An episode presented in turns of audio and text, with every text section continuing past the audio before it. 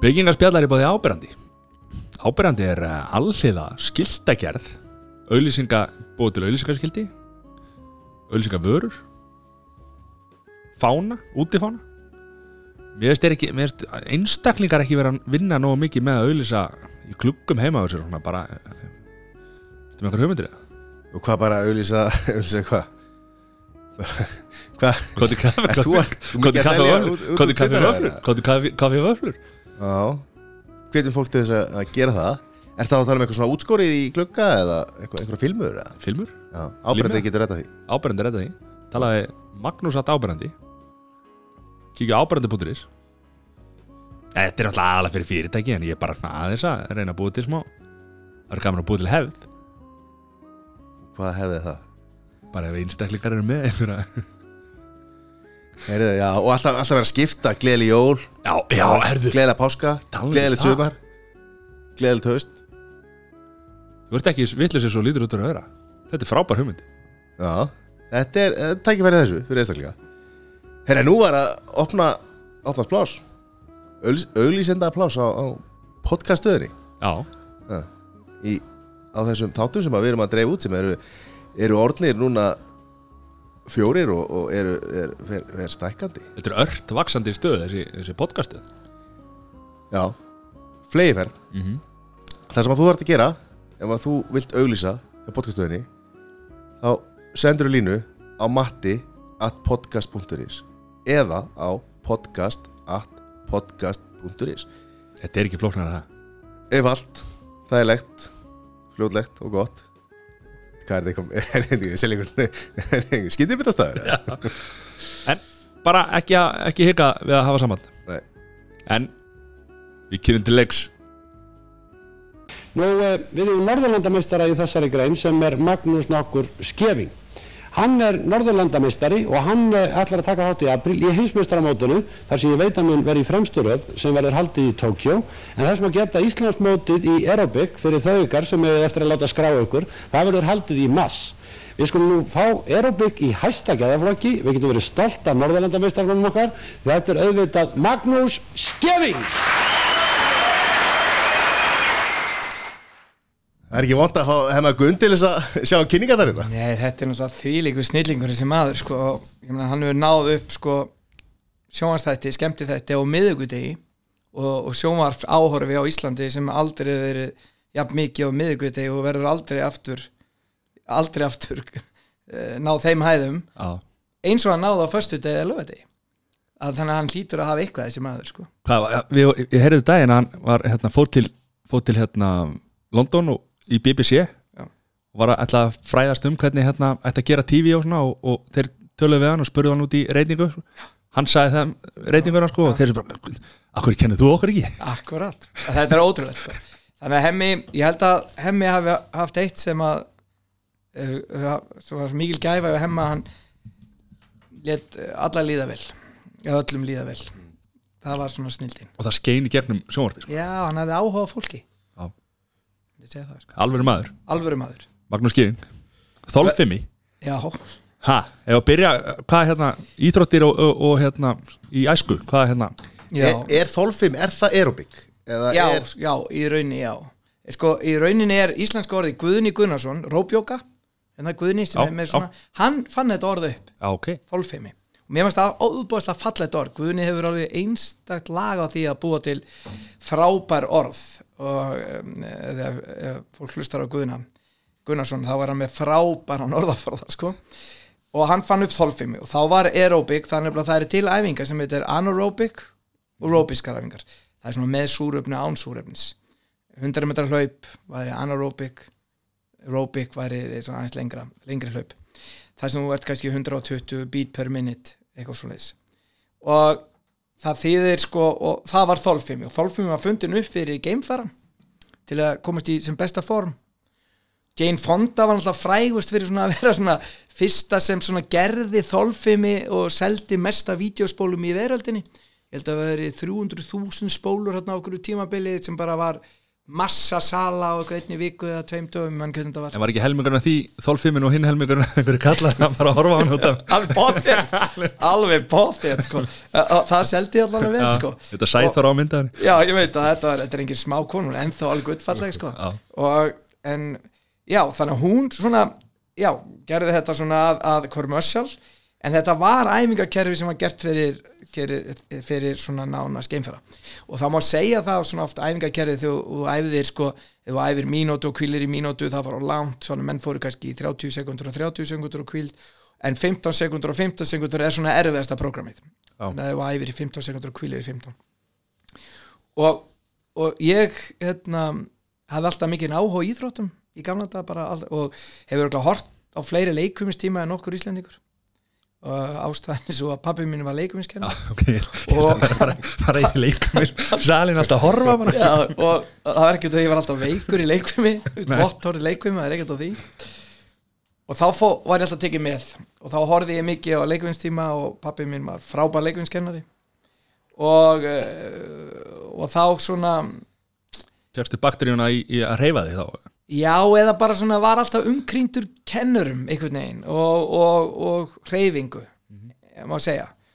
Og svo þegar ég var lítið badd þá reyfði ég mig mjög mikið og var að hlaupa svona með símskeiti því það var engin með síma og þá þurfti ég að fara á póstús og ná í símskeiti og sagt það er síma hl- farið í hlýðasmára 6 og það er sími til Guðjóns. Og þá hljóp ég til hans og bankaði og hann kvittaði okkar blað og ég hljóp með það tilbaka og fekk borgað. Og hann kerði svo bílum sínu niður til og tók símtalið. Þú bara alltaf hlaupandi? Já, ég var svona, ég var svona eiginlega hlaupandi iPhone eða eitthvað svona, ég veit ekki hvernig Snjallsími. Snjallsími, það er eitthvað Það er svona tindir var ekki komið varstu, þú varst ungur og, og hérna og, og, og rítið stráku, varstu, þá- varstu svona smáskilabóðu eða? Ég var svona smá skilabóð, ég var fimm ára og var í þessi alveg til nýja ára með skóla og bara alltaf og þá var bara kallað svona út um gluggan á, á, á Lulla sem var hérna á símstöðinni, þetta var svona símstöð sem í gamla þetta sem menn voru með svona alls konar takka og svona voru stingi samband svona alls konar leiðslum. Svo opnaði hann gluggan, sagði Maggi! Og það gekk til slátararans og slátararans sagði ykkur um öðrum það og konan öskraði það eitthvað. Svo öskraði þetta svona að menn fundu mig eitthvað staðar í drullubolli að leika eða, eða hjóla eitthvað staðar eða upp í skóla. Þá hljóp ég eins hratt og ég gæti nýrtir fekk miðan hljóp og þú veist jafn mikið borgað að hlaupa svo 6 km eða bara yfir göttuna og ég man alltaf þegar maður opnaði miðan þá var eiginlega svona bara ég vona að þetta sé sko já, þetta er byrjugata, það er bara rétt hjá. En svo var einn sem var múrari í borgarnasi og hann var einhleipur og það var ekkert mikið um einhleipa eiginlega bara ekki neitt sem voru bara svona pipasönnars og það var mjög lítið sem var hringt í allan sko. En það var hringt mikið í hann sérstaklega um helgar. Það var einhverja konur örugglega að hringja. Og, og hann bjó lengst í burtu. Og hann heit Herbert. Og ég vonaði bara vonaði að sé ekki Herbert. Og opnaði bara Herbert, nei. Þá var það sko 3,7 km aðraleg og 3,7 tilbaka. Og það var massa vegalend fyrir sko 5, 6, 7 ára sko. Þetta var massa erfitt sko. Og þú veist jafn mikið borgað Tímakaupið ekki gott á sko. Nei, en það var svona smá tindir já ég er að segja, ég er að segja Þetta Já, er smá skilabæð, þetta er tindir Já, þetta er Langt á undan. Langt á undan. Og svo ekki nóg með það. Heldur að því þú varst að hlaupa með fram og í húsum og svona og yfir garða til að stýtta í leið og svona þá borðaðu íþróttanami sko. Já, þá varstu með rappabara sem var starfst úr görðum eða rifsber sem voru hangandi yfir ykkur starf, yfir, gerði, yfir gerðingur og þú kannst tínt alveg fullt af berjum til að halda hann að hlaupa. Þannig að þarna var bara að ákveða destiny eitt sko. Tókst föt af snúrun eða það var kalt eða? Nei, hann var ekki alveg þar, alveg þar sko. en þetta var uh, áhuga En heldur þetta að komið bara þá tíðin þarna þín vegferði í lífinu, hafi bara komið þarna tíðin svona ómeðvita Ég held að maður lítur á lífsitt sko, það, það eru tvær leiðir, það er að skrifa söguna upp á nýtt og taka út eins og spá bara þú veist sem passar við mann.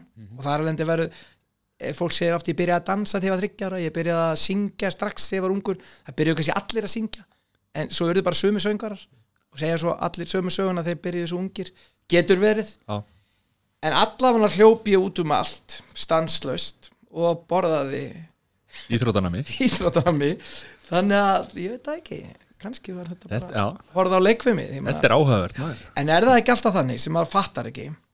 Maður heldur alltaf að maður sé eitthvað uník og maður heldur að sé eitthvað sérstakur. Svo fattar maður allt í hennu að, að, að maður er það í raunin ekki að því liti til að veröldin skapar þig. Að því liti til að þú mótast að vinum, umhverfi foreldrum e, bekkjafélögum bara eh, landinu, náttúrunni. Og hún gerir eh, þig að þeim manni sem þú ert eða mannsku sem þú ert. Og þar alveg kannski er maður ekkert svo uník að maður haldur að maður hefur gert eitthvað sjálfur. Kannski er maður þetta, þetta er allt saman stólið og keift og, og gefið til manns. Einhver annar vinahópur þá eru farið einhver alltaf að leið kannski. já, það er, gæti alveg verið sko. Og hérna, Það eru viljað það? Já ég er alveg, alveg til ég að prófa ég slett sko, ég var alveg viðkenna það. En ég var alveg umgryndur sko e, fullt af góðum vinnum átti fullt af skemmtilegu fólki sem vinni og, og var svona vinnamarkur og bara allt það. Þóldi reyndar ekki einelti það voru töðunar mér. Slíkt og gerði aldrei neitt að mér ég man ekki eftir neinu ég, ég aldrei gert neitt að mér. Broti Já, ok. rúður eða stólin ég, bara, ég hef aldrei gert neitt. Ég man bara ekki eftir því sko. En um, þannig að það, ég hafði það ekki. En aftur á móti því ég flutti einn svona landi á, á minni stað þegar ég var svona 13-14 ára, þá var mikið úlingum kringum mig bara að, að sniffa lím og, og bara fölta svona. Ég fór aldrei þangað. Nei. ég veit ekki, ég var aldrei svona ég var eitthvað svona trúið því hvernig svona stát og stöðu að uh, mér langaði ekki að vera svona rolla sem myndi svona söður ég vildi þá vera fórutu söður ég hefði ekkert viljað vera rolla sem eldi og, og ef einhver hoppa fram að þaki þá hoppa ég bara hugsunarlaust niður. Já. ég hugsa alltaf, nei, ég hef engan áhuga á því. Þú verður með sterkan bara persónleika strax þá. já, bara þannig að ég svona, ég átti auðvöld með að segja nei við öllum, reykingum og byrjaði ekki að drekka fyrir ég var kannski 43 ára. Þá smakkaði svona áfengi svona einhverju svona smá með, með mat sko hvítin og rauðin og svona eitthvað. En ekkert rosalega oft verið fullur eða neitt svoleið sko. Þetta er vel gert maður. Þetta var svona áhugavert en þetta var það er mikið áhuga á bílum. Þú hlýtur að hafa brotið einhver segja þetta umfyralug já, Já, það hef ég gert. Alveg alveg, og ég ég er anarkisti sko. Ég er það pínlítið ok. Ég, ég, ég þólega ekki reglur. Þannig lagað. Og það sem ég ávið því ég segi það og það er alltaf sérstætt því ég brýt eiginlega enga reglur sko. Eða þannig lagað því ég var bann og alveg fram á þegar ég var bara 20 ára sko. En það sem ég ávið því ég segi það þá sko finnst mér að reglur eigi að vera sveigjanlegar. Og mér finnst eigi að vera staður á stund. Hugsa ykkur til dæmis svo konur fengi ekki kostningarétt og það var bara allt, öllum fannst það bara í lægi auðvitað er það bara fárálega regla. Auðvitað átti það bara að vera veitu, hvað ruggla auðvitað geta það bara kosi hvað, þó að standi í lögun bara faraði bara að gjósa eða svarti mátti ekki fara í strætó ykkur stær í bandaríkun hvað ruggla er þetta? þetta er bara galin hugmynd, skiljuðu mig. Þannig að ég held að stundu sér reglu bara á raungum stað, á raungum tíma. Já. og þá þarf maður að vera svona sveigjanlegur í því. Já, eigum að segja það því að þetta bara nýtt dæmi um sveigjanleika lagana og reglana að það var nú mikil umræða um daginn um nagladekk. Já, og lögreglan er, er sem sagt, uh, það er þannig að þú ert að vera farin á nagladekkum held ég 15. mæ nei 15. apríl og alveg farin 1. 1. mæ og svo gefur lögreglan sér eitthvað sveigurum til þess að ákveða því að það getur verið hálka, það getur verið ófært og þú ert að fara út á ert að fara upp í, upp í bústað og, eða akkureyri að því að það er skýði eða hvað sem það er þá fór fólk að að töða á, á Twitter sem er galin hugmynd bara af hverju eru reglur, þú veist, bara Galið. reglurnar eru bara reglur Já. og Leiðilegt og, fólk. og hvað ætlaði það að fara að sveigja líka reglurnar skilur ef að þú, Já. þú veist, dæmi, Líka Saros, dæmi, veist, dæmi. Núna var að vera að leggja eh, bíl upp að gánstjött hann að einhverju hverfi. Það fengu allir bara tíu skrón sekt eða eitthvað. Fótbolt, nei já, þetta var ekki Nei, þetta fótboltalegur var bara núna í einhverju já, hverfi. Já, já, já, fótboltaleikjum Já. eða það er einhver körbóltaleikur og þá bara leggja menn einhver starfinn í laugadalum sko það er enginn í laugadalum að flýta sér eitthvað þarna. Það eru bara að leggja og horfa á leik. Bara þá segja menn reglur er reglur. Hvað má þá næst? Að þá leifa þetta. En það er akkurat þetta common sense. Og þá segja að common sense er ekki common sense það er mismunandi. Mér finnst við alveg geta að teki það. Það, það hlýtur að vera. Það, það hlýtur ef, að, ef að þessi bílar er ekki fyrir neinum og þeir eru að reyna að leggja með annað dekki upp svo þessi hægt að keira og leggja báðu megin í, göt, í göttunni já. Og svo sé hægt að lappa framhjá líka með, með vagni og svona sko, er þetta þannig ekki bara allt í lagi? Veist, er þetta eitthvað vesinn sko mér finnst þetta svona stundum í okkur íslendingum erum bara svo leiðileg. Fullóðna fólk, fólk er bara ógeðslega leðilegt Svo kom mynd núna á Facebook, það var lögreglu sett löggu hjólin þau lögðu ólöglega á meðan að vera sekta. Þá kom það inn á Twitter eða eitthvað sko. Já, ég, viss, ég vissi ekki að Íslandingar væri svona leiðilegi fyrir bara Twitter og Facebook og allt kom sko Já, þetta er er skrítið. Og ég ég skil þetta ekki alveg. Og ég oft sé svona að kannski hundar er kannski ekki ól og er að hlaupa stundum einhvers stað svona bara maður sér þetta er svona vinalur hundur og bara eigandinn að hlaupa hans með honum einhvers stað í fjöru og þá kom allir að má ekki hafa hunda verið að vera í bandi. Og, og ég bara, ég hef aldrei bara nefnda eða neinu tíma í þetta. Bara aldrei. Ef, ég, get bakka bílnum mínum ég get örgulega fært hann og ég reynir bara, þú veist, eitthvað leggur og færi mig bara aðeins meira eða tek sveig eða ég er náttúrulega ekki blindur þannig að getur verið að þetta sé massa vond fyrir blind fólk Já, það er alveg möguleiki Mjög góða punkt ég, ég fekk góða punkt hérna afið mér var sko hérna með var með hérna svona ekki hjólastól heldur, Göngugrind. göngugrind sko Já. og þá gerði hann í því þegar menn voru upp á, upp á kanti og, og var þröngt sko Já. það á bara rispaðan bílana Já. maður. Það bara, en ég skil það svo sem ef það er eitthvað svoleiðis Já, mál, það já. má alveg spekular virkilega í því Já. en ég held svona overall þá er þetta regluverk sem er alveg verið að búa til ekki nógu gott. Og ég lýsi því stundum eins og freedom eða love eða eitthvað slíkt. Þetta eru orð sem hún getur ekki útskýrt. Þess vegna er þetta svo fallegt. Þetta er eiginlega svo æðislega hugmynd. Af því að ef þú segir freedom is something eh, að vera frjáls er að standa allsbyrjapökunum kassa og tala eða hlaup út í sjó og þá allt innu, nei þá glemdi líka að það er líka að gera eitthvað annað þannig að þú getur ekki útskýrt það. Það finnst mér vera svo fallegt. Já. að þú getur ekki alveg útskýrt þetta. Og ást, bara það getur verið hvað sem er. Það, svoleiðis finnst mér reglur eiga að vera, en reglur eru yfirleitt gerða þannig að það sé alveg svart á hvítu hvað það þýða. En, svo, svo fer þetta náttúrulega líka eftir hvað fólk sér þetta eins og við erum að tala um veist, fólk sér að ég vil bara leggja upp á gangstið en svo eru aðri sem að þurfa kannski að labba blindir eða hjólastóli eða með badnavagn og svona ég held reyndar að það sé hægt að koma veist, ansi langt á því að vera bara common sense. Já og þólumóður og bara hvað maður að segja svona hömbul mm bara svona að þú maður sé bara pínlítið svona já já það er eitthvað þú veist, það er eitthvað flautar á mig umferðin og hugsa ég bara kannski var þetta erfiðu dagur hjá honum kannski er hann eitthvað að hlýta sér til læknis kannski er óleitt koni í bílnum. Það eru margir sem byrja að hæja á sér sér að bílinu kom alveg í rassina þér. Bara ég ætla ekki að hleypa honum fram úr. Kannski er bara óleitt koni í bílum kannski er batnið hans eitt heima kannski datta á hjóli. Hleyft honum bara fram úr og málið döitt veist, þetta er ekki, þetta, er skrítið. Og þetta er eitthvað svona skrítið þú finnst mér. En samt hefði ég viljað að Íslandingar myndu keira með baksín í speklunum bara, Já, minnst það að vera próbar í því. Ef það eru óbásla margir bílar fyrir aftur þig og engi bíl fyrir fram að þig þá ert að keira á hægt. Bara svo eina regla myndi hjálpa mikið Og hérna nota vinstri agri þegar að það á við en ekki að vera ég veit ekki af Er það hverju ekki? það er ekki skiljanlegt strax. Ég bara botna það alls ekki. En það er eitthvað svona regla það má keira á 60 þá er ég á 60 á þessari agrein við hliðin á hinu bílnum. Já, og ég ætla ekki að haggast. Já, ég er svona En þetta er, að því að það var kent, eða ég lærði í ökku náminu að vinstri agrein er til þess að taka fram úr og er fyrir greiðari umferð.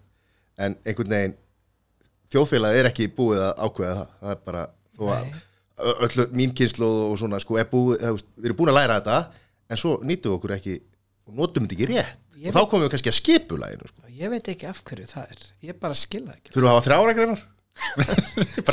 það er búið að gera þrjáruna og búið að láta alla borga meira allir bílar er að borga meira og meira borga í bensinni og svo að setja strætó þar og búið til svona einhver almenning samgöngur. Hvernig fóruð við beint tanga? en þetta er svona reglur. Já, ég, já. ég er ekki hrifin af reglum Nei.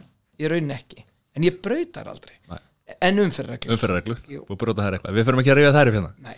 kannski setna Hvað er hérna, þú byrjar í þolfiminni Það var hérna Hvernig Sko- dróstu þangað? Ég var, ég var sko, ég var í öllum íþróttunni bad. Ég hljóp mikið átti hérasmet í hlaupum 5.000 metra hlaupi og svona og hljóp 100 gullpenninga fyrir hlaup og svona. Og ég var rosa efnilegur í körubálta en ég var bara svo hanskoti lítill og svo stækkaði ég ekki neitt. Þannig að það var eiginlega vonlaus grein fyrir mig. Það var, það var, ég var svona ég var svona medium góður í flestum íþróttum. Aldrei rosa góður í neinu en svona medium góður bara. Svo þegar ég var á bjói í Borgarnesi og þá var að vera að byggja nýtt íþrótós og loksist þegar það kom þá flutti ég sem var mikil sorg fyrir mig. Og flutti þá á Kvamstanga sem var enn minna íþrótós það var bara gangurinn í skólanum voru þrjár hurðir, hurðarinn í kænslustofunar og það var gangurinn og eitt körfublóðspjald sem var ónýtt með ónýttum körfbótarhing og held ég kaðall minni mig, that's it. Og þetta hefur verið svona kannski fjögra metra breytt og 15 metra eða 20 metra lengt það var bara íþrótdósi þetta var sjokk fyrir 13 ára strák sem bara sá fyrir þessi íþróttir for rest of his life. Þannig að ég fór bara að hlaupa á nóttinni og kvöldin og svona eftir vinnu. Og svo fór ég í íþróttanám í Nóri fluttið þanga síðan setna, fór í íþróttanám í Nóri gekk mjög vel, kom svo heim til Íslands og fór í völklass þá var Bjössi nýbúin að stopna völklass og þá var bara svona ekkert já, þetta var í skeifinu þrjú minni mig. Það sem að góðu hyrðin er núna ekki? Nei, Nei, var þetta var löngu fyrir það tíma. Já. Þú ert svo ungur sko. ég veit, Þetta sorry. var bara, þetta var sko Þetta var pínulítið og það var bara mjög lítið. Þarna voru einhverjum okkur að æfa í tækjasal og þarna kom Bjössi til mín og sá mig hanga í svona slá hana og sagði, erðu, kann þú ekki leikvimi myndur þú treysta þær að kenna? Ég sagði, ég er búin að horfa svo mikið að leikvimstímum bara örgulega meir en flestir sko. ég get örgulega gert þetta sko. og það sagði, þetta er þolfimi, þetta er einn uppi. Og þá ég átti að byrja daginn eftir. Og ég fór upp og sá, fór ég eitt tíma. Og þá var þetta nýbyrjað. Þá voru ekki drosa margir strákar að kenna þetta eða, mjög fáir. Og þá voru mjög lítið að strákum sem voru í formi á þessu árum. Það voru svona annarkvort íþróttamenn svona frjálsíþróttamenn eða eitthvað slíkt. En svona almenningur, þetta var annarkvort svona liftingamenn, rosalega margir sko, flottir liftingamenn bara virkilega flottir, ólipísku liftingum og, og strákar sem voru Jón Páll og Úrsus og fullt af frábærum svona. en þetta voru ekki beint svona formi því ég segi formi þá var ég ekki við að þessi gæði ekki formi. En þeir voru ekki svona það sem að meina sko þetta var svona eins og að þú myndi ekki sjást að þú væri að lifta þetta væri bara svona natural sko. Og, og það, það eiginlega var það sem þolfimmin var að sækjast eftir að þú væri svona, geti komið þér í form en ekkit endilega vera að lifta mikið að lóðum. Og svona eigin líkamstingt eiginlega. Já. og þú þarft eiginlega að æfa eftir auga og eira þú ert að þjálfa einhvers konar leikvimi eða, eða, eða líkamann ef þú æfir ekki eftir auga og eira þá ert í vesinni. Og ég útskýra hvað ég á við. sko, við þurfum báður að koma okkur í form sko. það sé ég á við þegar ég segi það til dæmis að þetta er líka fyrir þeim að vera eldri. Þú veist, maður verður kannski orðið kannski, við þið verður kannski 100 ára. Að þá er það þannig að tökum bara auga fyrst.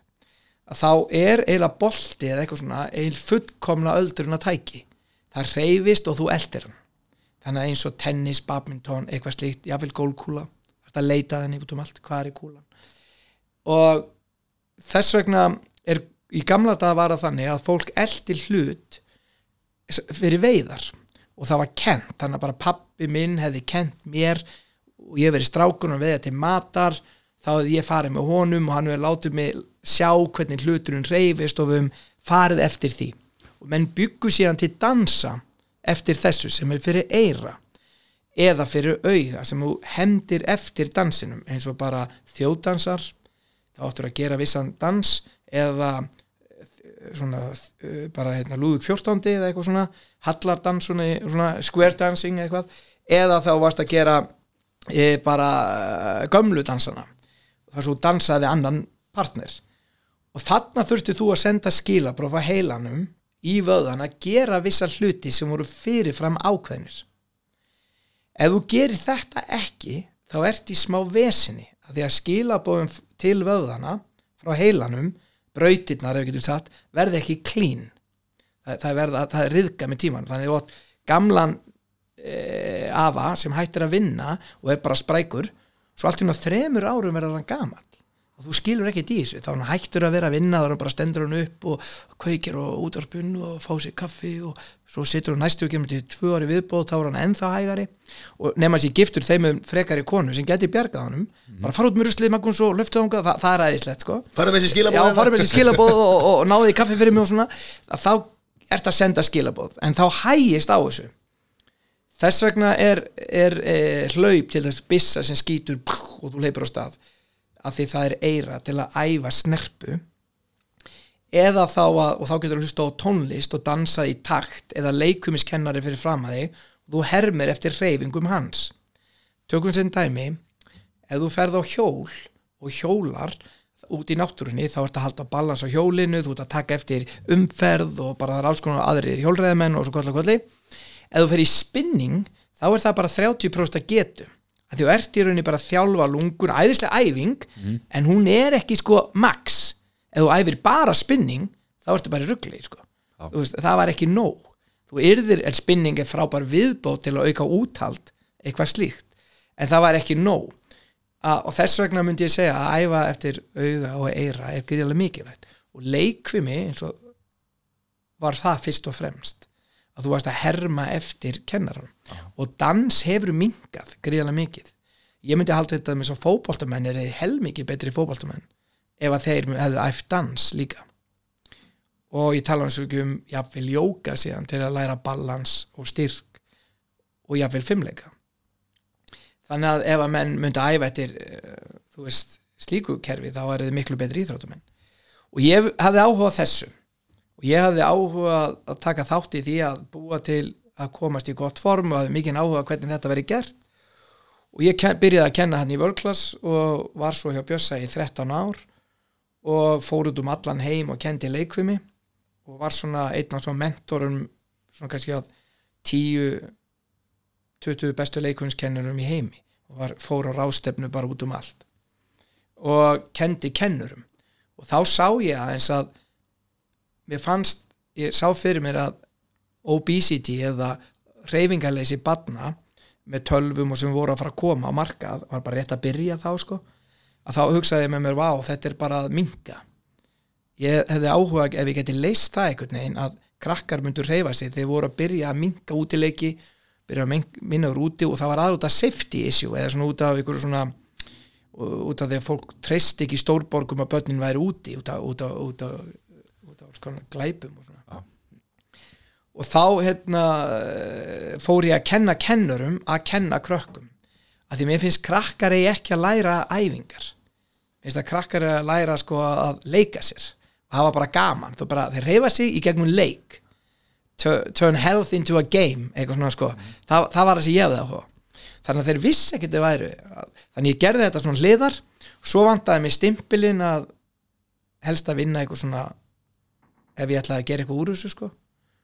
Og byrjaði þá að skrifa bækur latabæði bækurnar og fóð svo að keppa í þessum í hvernig hérna þa- þarna ertu bara komið með eitthvað plan á, þú bara settur upp stórt plan fyrir sjálfa þig bara þannig að fjárstu ykkur á svona hvað segir maður, hu- hugdettu eða var, var eitthvað sem kom tíðin og þú bara herðu bá ég er að fara að gera þetta? Já, sko almennt var þetta bara um ég held rosa mikið að fyrirlistu líka í félagsmyndstum alveg frá því ég var bara svona 16-17 ára og alveg bara upp í 20 eitthvað. Vann reynda sér smiður, ætlaði að vera arkitekt. Já. það var það, það var sem, það sem ég langaði mest að gera sko. En tók hitt alltaf svona á kantinn með svona kvöldvinna bara, kendi leikum á kvöldin og held fyrirlestra og svona. Og, fyr, og þá var þetta oft þannig að mér fannst sjálfur sko fyrirlestra svo leiðilir sem voru að koma í skólan af því að sko ef þú að ef eitthvað stæði að fá, að fá Magnús Skjöfing til að tala eða eitthvað til að tala um að móti reykingum?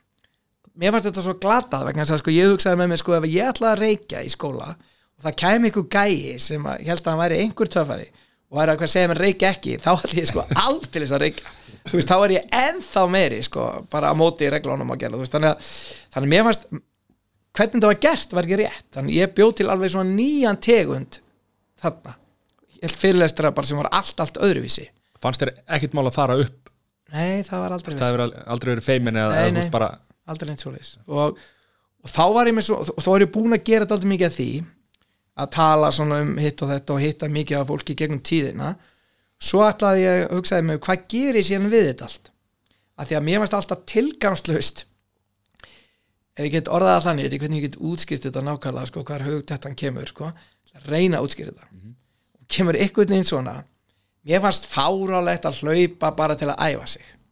Ég skildi það að hlaupa og vera með bref í hendinni og skilabóð til einhvers. Tilgangur. Eða þá ég var með eitthvað í eiran og myndi hlusta þáttinn ykkar og hlaupa og með bref Já. og væri líka kannski að fyrir heimsótt til vina míns. Og skilur þann, þannig að sko og viðra hundi minn á sama tíma. Og það væri frábært að krakki mínu væri með á hjóli þá var ég, þú veist að þú veist, ég, ég vil gera fimm hluti í einu á sama tíma ég er, að- ég skilur, ég veit ekki alveg. multitaska. Multitaska sko. og þetta fannst mér alltaf rosalega gaman. Og þess vegna fannst mér eh, hugsaði með mér að gera allir þessi hopp gera allir þessi leikfumi, gera allir þessi stökk. Til hvað sér ég að gera allt það ef ég get ekki gert eitthvað við það þú veist. Og þá setti ég það bara ákvaði ég væri síðan byrjaði að Karl í æskunni rýndi í mig og spurði hvort ég væri tilbúin að gefa bók og þá fór ég að hugsa virkilega um þetta. Og þá hugsaði ég svona já, þetta var svona 1990 eitthvað svoleiðis. Og þá hugsaði ég herðu, já, hvernig bók bara eitthvað sem hún getur gert það sem þú ert að gera einhvern skilbóð, þá skrifaði ég Latabæ og svo gaf ég þrjár bækur og kefti á sama tíma og þá, og svo tók svona tíu ára þróun á leistan eða Latabæ og svo vissu eftir tíu ár að við værum með eitthvað og þá ákveðu að búið til sjónvarsþættina gerðum trailer og seldum það í 500 miljón heimili og 170 lönd. Þetta er alveg styrla sko. þetta var svona, þetta var styrka en það var eiginlega sko e, það, sko, það var eiginlega alltaf þannig að ég var í smá vandræðum eins og með handrisrit höfund fyrir Latabæ til dæmi sem dæmi vegna þess að Latabæ var um hreyfingu og var um heilsu. Og þú getur ekki útskýrt heilsu nákvæmlega hvað er heilbriðu maður, það er mjög erfitt. Og þú gast alls ekki útskýrt það fyrir badni og ég vildi ekkert að börn færa eins og PBS í bandaríkjónum sagði, gerðu prógram sem krakkar læra sundur saman, læra að reyfa sig. Ég hef aldrei séð badd sem kann ekki að reyfa sig. Það beigir sér bara í njánum og næri að leika sér á leikvellinum meðan við gamla, gamla settið við beigjum okkur í, í bakinu erum að drefast í bakinu sko. Ef vilt læra að gera rétta réttstöðu þá horfur að badd gera Akkurat, réttstöðu sko, kra krakkar kunna þetta bara. Við þurfum ekki að kenna krökkum að reyfa sig en það væri rosalega bara að móti vera krakka að reyfa sig meira og sérstaklega, það, það var hugmyndin sko. þannig að ég vildi búa til eitthvað svona prógram og með bókinni og öllu því, þá var ég smá vandraðum að, að fá handrisöfundin til að skrifa efni vegna þess að flestir rítöndar sem eru mjög góður rítöndar þeir kunna ekki til leikfumi og flestir leikfumi segja íþróttamenn þeir eru of heimski til að skrifa. Þannig að þetta var helvit erfitt. Maður þurfti að krossa þetta. Þannig að hvernig gæti ég sko fengi sko já, þetta, þetta, var, já. þetta, þetta krossaði. Tekki eitt mann, Þorgur með þrá eins og sko. Já, Þor- Þorgrim hefur náð þessu. Og, og núna Gunni Helga kannski, er veiði maður og hópaldakall en þetta hefur oft ekki verið þetta var svona, fyrir þessa tegunda bókum það var erfitt. En þú, þú vildi þá klára þá, þú veist, varstu búin að gera einhverja hérna, svona, plan, eitthvað plan upp á að tikka í bóksin alltaf? Já, vera meistari í þolfimi já og þá var það einhvern veginn þannig að þá hugsaði ég með mér erðu, ef ég ætla að fara út og selja eitthvað svona konsept eða gera eitthvað konsept á Íslandi sem verður tekið eitthvað marka á þá verður þú líka að vinna eitthvað titla og eitthvað svona, það, það er betra píjar og meiri ölsingar og, og þá fór ég eins og þolfimi og hafði nú ekki mikinn tíma í fyrsta móti til að keppa og, og æfði mig þar og, og náði Norðurlandatitli svo kom ég heim og æfði eitthvað meira og náði svo áttundasæti eða sjöundasæti í parakeppni með önnu Sigurðar sem var ofsalega skemmtilegt á hinsmjöstramóti og svo náði ég held ég bara þriðja sæti og öðru sæti og svo Europatitli og, og svo gold í kóru gull í kóru og já, í þessari í þessu sko. Og þetta var bara áhugavert. Þarna tikkaður, en, en eins og með þolfimna ég, þetta kom hratt upp fór hratt. Og hr- fór hratt. Já. hvað hérna, ástæðan fyrir þetta fer, þetta, þetta er enn í gangi fullu, en þetta fer eiginlega inn í sko, fer eiginlega inn í sko fimmleikasamböndin já, og þetta fer inn í ISI og fimmleikasamböndin og þá verður þetta pínuti svona stífara. Og, og fer í meiri svona reglur og öðuldi meira svona, þá verður þetta svona aðeins stífara. En það er á fullu í gangi en þá en það er, sko ég myndi segja til dæmis ef ég verið uppi á þessum tíma þar kendi ég leikvistíma sem voru bara crossfit tímar Já, þannig ég voru sagði- mínir tímar. þeir voru bara eins og crossfit. Þá var eiginlega enginn að kenna slíka tíma. Og voru kallið stöðaþjálfuna tímar og þá var stundum já, bara, já, bara svona og þá hérna, og það er svona hálfparti svona smá crossfit sko. þannig ég held til dæmis að ég hefði náð tölvöld langt í crossfit sko. Ég þú ert búin að klára spurningar það það hefði verið upplagt Ég ætlaði að spyrja, ef þú verður að velja íþrótt í dag, væri það þá crossfit eða? alveg potið en crossfit er náttúrulega sko ég er alveg ósammála sko almenningur er endilega að fara í crossfit sko Já. persónlega, því ég held þetta að sé að keppa við tíma og raða sé ekkert ópærslega gott fyrir því, mér langar rosa að taka viðtal við crossfitara þegar hann verður 65 ára, Já. hvernig ertu þá? En að horfa á þetta fólk bara, hvað brjálaðislur ægi ótrúlegt að horfa á stelpurnar í þessu sko, bara hvað, er- bara, þetta er bara sem bara tekur maður hattin ofan bara fyrir þessu fólki, bara wow þetta er alveg með ólíkindum. Og bara þetta er, þetta er íþróttafólk, ég vissum að þetta er örgulega e, fólk sem er í einu besta formi í heiminum sko, Já. þetta, þetta er ekkert smá sko. Sjá magafinn á þessu liði er Já, þetta er svakalegt. Og þetta er rosalegt. Og fórnin sem þeir eru að gera og svona, þetta er bara ótrúlegt og þetta er svakalegt að sjá þetta sko. Þannig að ég, ég nú verður gaman að sjá því í crossfitinu Ég- það hefði verið gaman, nú er maður bara svo gaman en það, það er nú, nú einn að ná verulegum árangri núna að bara vinna eitthvað sko, Já, 55 ára eða eitthvað, sá ég. Þannig að Íslendingar eru góðir í svona íþróttum. Já, við erum, við erum, við erum góð Þó Það er ég, ekki að ná einum heimsleikum í crossfit svona, kannski á næsta ári eða? já, þú segir nokkuð. Sko, já, já kannski kannski fer maður að æfa núna ég fæ 5 ár kannski en er þá ekki 60 ára eldri? Veist, það er flott fyrir mig. Keppið því. En ég er alveg sammála einmitt, sko, þessu, þó að CrossFit sé held ég, þetta er alltaf fyrirtæki sem, hei, sem Mhm. var stofnað á sín tími, ég held að það verið stofnað upp á 2000 það er ekki komin langtíma reynsla á, nei, það er ekki komin Engin. 20, 30, 40 ára reynsla hvernig eins og sko, nú er þetta kannski öðruvísi daga því að það er alltaf einhver sko, íþróttamenn eru meðvitaður um hérna svona recovery og eitthvað svona sko. En hún sér gamla fótboltamenn og handboltamenn það er allir farnir í Já, njánum og, og, og, og, mörgum stöðum sko. Ég held að axlirnir eitthvað að fara á flestum crossfiturum þetta sko. er brjála ála á líkamann já, brjála fimmleika með lendi í sama vissinni sko. Já, en það er sko ég held að til dæmis almenn heilsa fyrir almenning að vera í heilsu þá held ég sé ekkert gott að vera keppnismæður í neinu. Og þess vegna öfunda ég alltaf fólk sem er ekki, var ekki keppnismenn í neinu. Það er bara, þeim líður bara miklu betur heldur en keppnismenn. Og horfur okkur eins og við hefum aldrei verið inn í með hvað? en ég held að sé samt þannig að maður þarf að vera í mismundi balans maður þarf að vera í svona balans hver og einn þarf að finna sinn balans og hann er mismunandi. Hann getur það er annað fyrir þig og annað fyrir mig og svona og maður þarf eiginlega að reyna að gera mismunandi íþróttir. Og ég helst íþróttir fyrir auga og eyru og eitthvað svona. Og svo jafnvel í vatni. Ef ég væri að þjálfa til dæmis fólk í vatni eh, sundi sem ég skil ekki alveg okkur er ekki þjálfa svoleiðis. Kannski veit að eitthvað, ég kannski er ég bara ekki nú að gáða þar í því. En ef ég væri að þjálfa fólk í sundi þá væri ég með headset á viðkomandi aðla sem var að synda.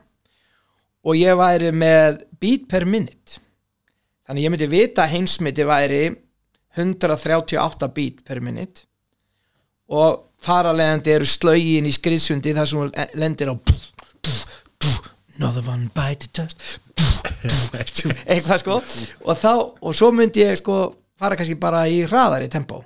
Þú veist, alltaf hraðar og hraðar. Næst æfu eftir 137 bít og svo, eða, eða skilur, myndi byrja í 120 og svo væri 122 og svo upp í 130 eitthvað, það sem heins myndi væri þannig myndi ég æfa mig í sundi. Þá með, með tónlist, þá er það að tala um að, að, að hérna tempóið, já, með, með augu og eir akkurat. Og sama ég fara út að hlaupa og ætla að gera heimsmyndi í 10 km hlaupi myndi ég hlaupa eftir Takt, takt. Rithma. Og rithmi er, er gríðarlega miskilinn í íþróttum. Ef þú æfir nefalega það er fyrsta sem þú látum fá er skoðbárbolti og sippa af því þetta er rithmi.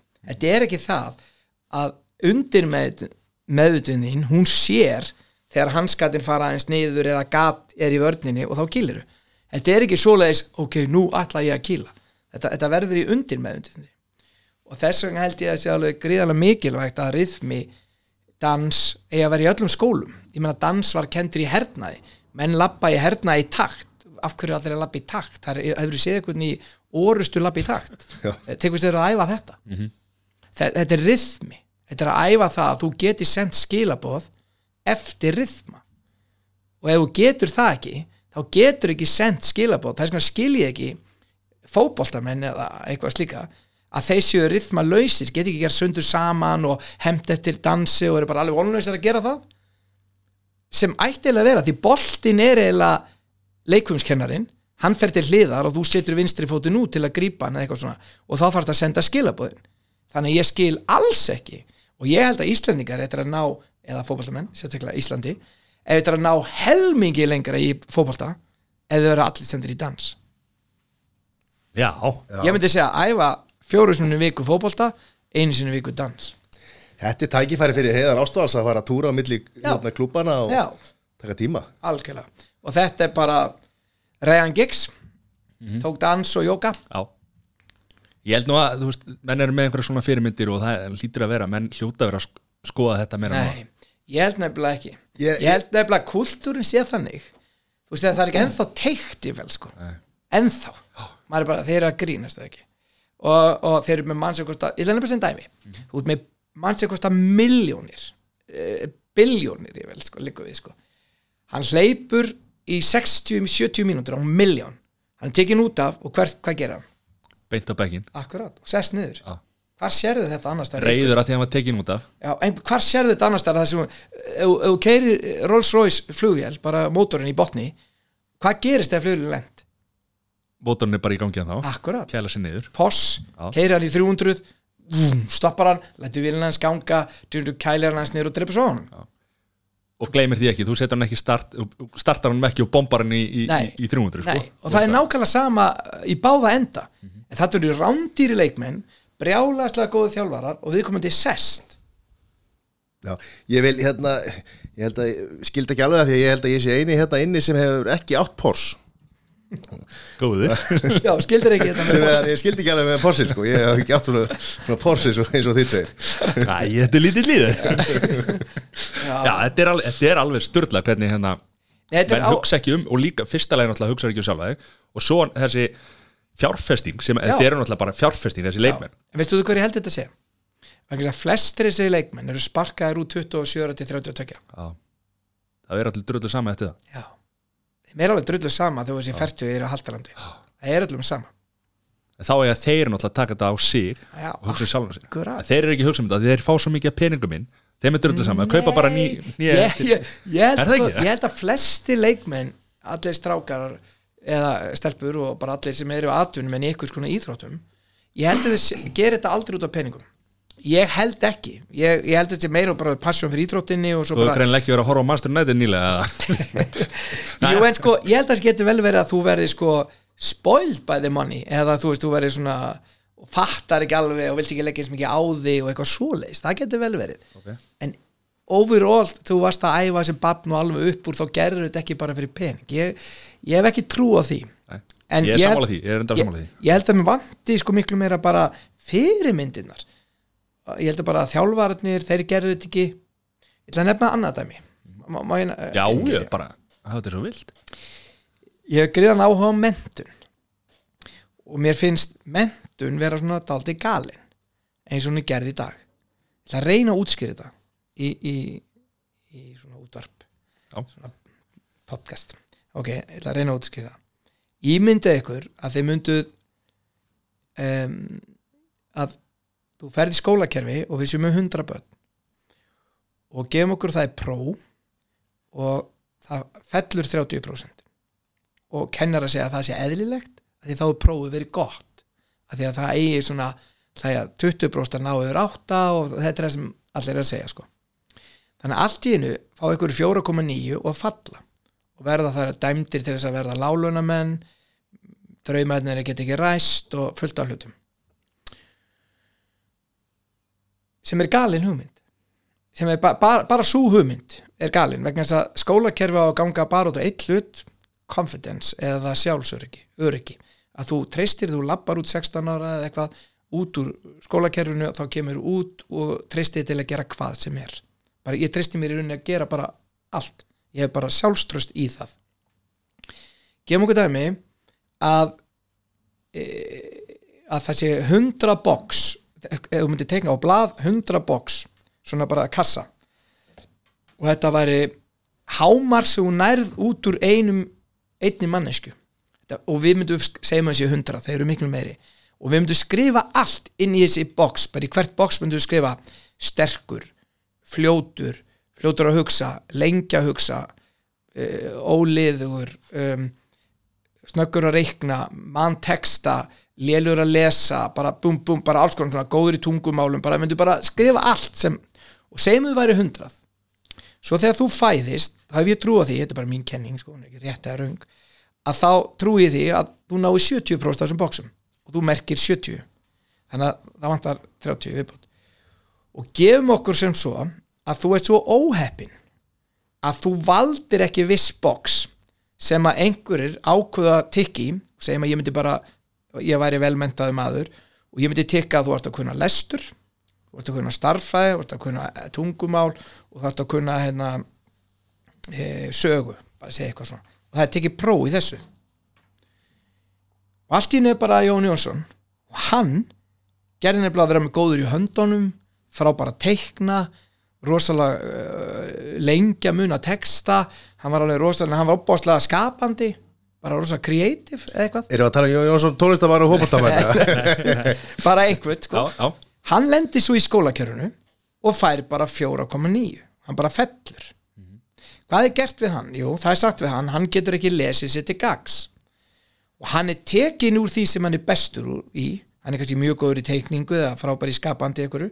Hann er tekin úr því, það er hann hæstur og látin í aukatíma í lestri. Alveg, alveg brjálað þannig að þegar hann kemur út úr kerfinu þá er hann hvorki góður að lesa nýja góður í því sem hann átt að vera góður í. Þannig að hann er eiginlega vonlaus. Ok, ég ætla að útskýra þetta fyrir þess að þú skilir þetta fullkomlega. Já, er þið til í það sko? Já. Alveg til. Ef að Maggi Skeving hefði ráðið þá hefði eitt boksi verið að þú verður að komast í splitt og þú er tannlæknis ætlar að verða tannlæknir. Og þar ákveða að hafa námið ógislega erfitt svo getum rukkað brjálæslega mikið pening fyrir að gera við 36 tennur sem eru ríkla auðvöldast að starfi heimi af því að það eru eins í efri og neðri kom. Þannig að þetta ætti að vera frekar auðvelt jobb. Ég veit ekki mörg jobb sem hafa bara svona fá. Og þannig í rauninni ætti bara lægin maður að geta gert við tennur ert bara virkilega lægin þyrstir ekki að ná brjálaðislega einhvern í tungumál endilega þá er spurningin svo að þessi manneskja ef að Maggi skefing ræður og þú ferði í það að fara, allir í að fara í splitt þá fellur þessi talangar að því að hann kemst ekki splitt út af hverju, jú að því í þessum hundra boksum þá valda hann ekki splitt hann bara valda ekki það boks og það er sama hvað í pínan í skólakerfinu hann kemst aldrei í splitt að því að hann er bara með líkamann byggðan þannig að það er sama þó ég sitja hann í aukatíma það er sama þó ég stappa honum þó ég láta hann sitja eftir lemja með priggi, hann kemst aldrei í splitt síðan gerist það því miður að að því hann komst ekki í splitt þá var hann bara lálaunamaður að því að það var ykkur halvviti eins og Maggi Skeving sem ákvaða það að þú yrðir að koma til splitt að ég taldi það að væri marsum algjöra sjálfstjórn og þá síndi að þú hafi virkilega sko getið náð lengra að þú kemst í splitt að því að eitthvað bla. Gefum okkur svo dæmi að ég komi síðan í splitt og ég, og ég er bara með þarna, starfræðina mín og ennsku og splitt og ég er rosalega góður í því. Ég verð þá hvað? Líklega verði ég kennari og vegna að þetta er þessi aðala áherslan í kennslunni lagt á ég er með sömu vini mína sem komist í splitt sem er að líka kennarar og við gerum skólabækur um kennslu og, og við gerum skólaefnið og allt og það er meiri áhersla að löða splitt og meiri splitt og meiri splitt og meiri splitt og svo myndi ég segja við erum að skipta hóknum í tvend það er svona auðmingahópu sem kemst valli í splitt sem er svona, hann á að vera í B-bekknum og A-bekkur en þeir sem eru hérna. Svo ringir fólkinu út á sög og segir í gamla daga var það þannig þá bara fá fólk upp að lesa. Bara, þú ættu bara að lesa texta fyrir framan bekkin það er æðislegt, þannig var það í gamla þess vegna kunni við að lesa, við bara lásum fyrir framan bekkin og finnst þetta frábært? Hugsaum þetta aðeins í eina sekundu sko. segjum að þú kunnir ekki að lesa. Átt bara mjög erfitt með að lesa. Þá ertu tekinu fyrir framan bekkin á viðkvæmast aldurskeiðinu í öll þessi ár og þú feilar og feilar og feilar og þarf svo að fara í fríminútur og allt það. Sjálfströstið verður að engu. Snúmum sér við þessi kona eða maður sem er rýndin út af sögu hefði ég sagt við hana, þú ættir að koma upp alla daga og fara í splitt fyrir fann bekkin og ég er alveg 100% örg að viðkomandi komst ekki í splitt og það myndi líða hræðilega illa að vera í splitt fyrir fram að bekkin, alltaf. Þannig að mín skoðun á kennslu er svo að þessi 100 box eiga öll að skipta máli. Þannig að það eru próf í skólum en engar engunir eina sem kennarin segir við þig þið gekk ótrúlega vel þið gekk svo vel og ég veit þú getur gert ennþá betur. En djöfut gekk þetta vel maður. Algjör snillingu sko, höldum áfram.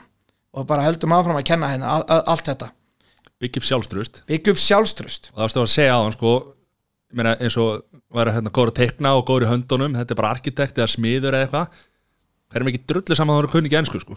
Ég er að segja það, en, en svo gerist það. Þegar þú byrjar að vera góður og rekunæst að þú ert góður í einhverju, þá verður þú betri hinnu að því það er um sjálfströst smátt og smátt svo bara, er ég kemst kannski í splitt bara, svona, þú gæti verið. Já. þú veist, þegar þú ert með sjálfströstið æverið þá líka heima og, og ert hvað þá sem er, veist, já, hefur áhuga. Mhm. þess vegna finnst mér þetta galið eins og þetta kerfið sett upp í dag. Mér finnst þetta kjörsalega galið. Og svo fólk alveg hissa að strákar eru að droppa 70% komin í áskólan, stelpur strákarnir droppa bara út. Það er efni sem er þér hugleikið og hérna, þetta vandamál með stráka og tölur sína að það var bara rosalega hátt hlutvall sko, 15 eða 16 ára drengja sem að get ekki lesið sér til gags já, þeir kunna kannski að lesa en get ekki tekið efni sem þeir að lesa og Skilja. þar þetta, þetta vandamál er að vera, stærra og stærra og við þurfum að fara að snúa þessari skútu við það ekki? Jú, ég held að þessi partur af þessi ég var að segja á þann en annar partur sem ég held að sé líka hann sé sá sko ef að tölvuleikir segjum bara að tölvuleikir spili stóra rullu að þá framleiða þeir sem framleiða tölvuleikir er búin að átta sig á því að þeir búa til fyrir heilan setja endorfín eða sem sagt svona hamíku hormón sem gerir þeir sko glaðan. Og það er eiginlega búið að mæla það að þú ert ánæðistu rétt áður og opnar jólapakkan þó að jólapakkin sé æðisleg gjöf og þeir langaði óðböðsla í, í, í það sem er í pakkanum þá er rétt áður og opnan sem hápunturinn er og það er löngu búið að finna það út í tölvusysteminu.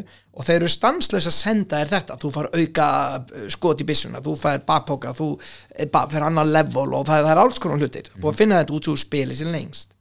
Og kaupi sem mest eða eitthvað slíkt. Þetta hamingjuhormón þegar þú mætir síðan í kennslu þá er það bara ekki að gerast. Það kemur bara ekki hamingjuhormón. Bara í marga klukktíma og það bara, kennarinn er upp á töflu og, og það, bara, það bara gerist ekkert heilin verður bara hann er bara, hann er bara skilur það er náttúrulega örfa heilan til þess að þú þarna erum við, held ég, að kennslahættin þurfa að gjör breytast þeir hafa bara ekki breyst nógu mikið. Kennslu efnið og bækurnar og allt það, það hefur bara ekki fyllt þessu. Og þannig að ég held að þurfa einhvern veginn að snúa þessu við. Ekki það að væri stenslat hamingjuhormón en það er kannski spurningumerki hvernig er hægt að örfa þetta að áhugin á efninu verði meiri og er þá ekki kennarin bara miðlari einhvers konar, hann er að miðla upplýsingum til fólks. Og þarf hann þá ekki að vera góður kennari? Og er ekki góður kennari sá sem ég, ég heyrði auglýsingu bara ég var að kæra hérna frá held ég að fá fleiri kennara til þess að sækja um jobb og, sagt eitthvað sirka svona góður kennar hvað þarf góður kennar að hafa? Jú hann þarf að hafa áhuga efninu og vilja lesa sig alltaf til um efni til að vera svona feskur ég held að þetta sé ekki fyrsta seti Nei. ég held að sé fyrsta sæti að þú hafi áhuga á að spotta hvar krakkin er getur byggt upp sjálfstæðist hans. Ég held að það sé kennsla. Og ég held að, og svo getur þú komið með hvernig tekur svo eitthvað material og lætur viðkomandi hafa áhuga á því. Það er kennsla. Já, ég var með ansi hérna, líflegan kennara sem kendi mér íslensku 8. til 10. bakar líflegan. Já. Já. skemmtilega já, Egilur Skefing. Já, já. Hann, var, hann er góð kennari hann er harður kennari mjög harður, Já, en sk- samt áhugaverður. Já, og það sko þegar ég hafði nú kannski ekki drosa mikið áhuga á, á skóla á sínum tíma. Eh, segjum bara skóli yfir höfuð. Já. að, að það var alltaf gafin á Egilur Já, hann kendi hann kendi íslensku og mér líka og var mjög erfitt að hafa sér pappaðinn og kenna þér. Það er erfitt sko. Það var mjög erfitt. En það er sko en hann er mjög góður kennari. Það fer ekki milli mála sko. Alveg sko mjög góður sko. Og en það er alveg sko ég var ungrítut alltaf mikið á góðum svona kennarar á heimilinu og fullt af fólki og mikið tala um kennslu. Ég held að kennsla sé eitt erfiðast að starfi heimi ég held að það sé bara og leikskóla jobb, þó virkið auðvelt þá held ég að þetta sé mjög mikilvægt. Og vegna að við hugsum um það við erum með börnin frá aldrinu sko 12 mánuða eitthvað og alveg upp til nánast tvítugt.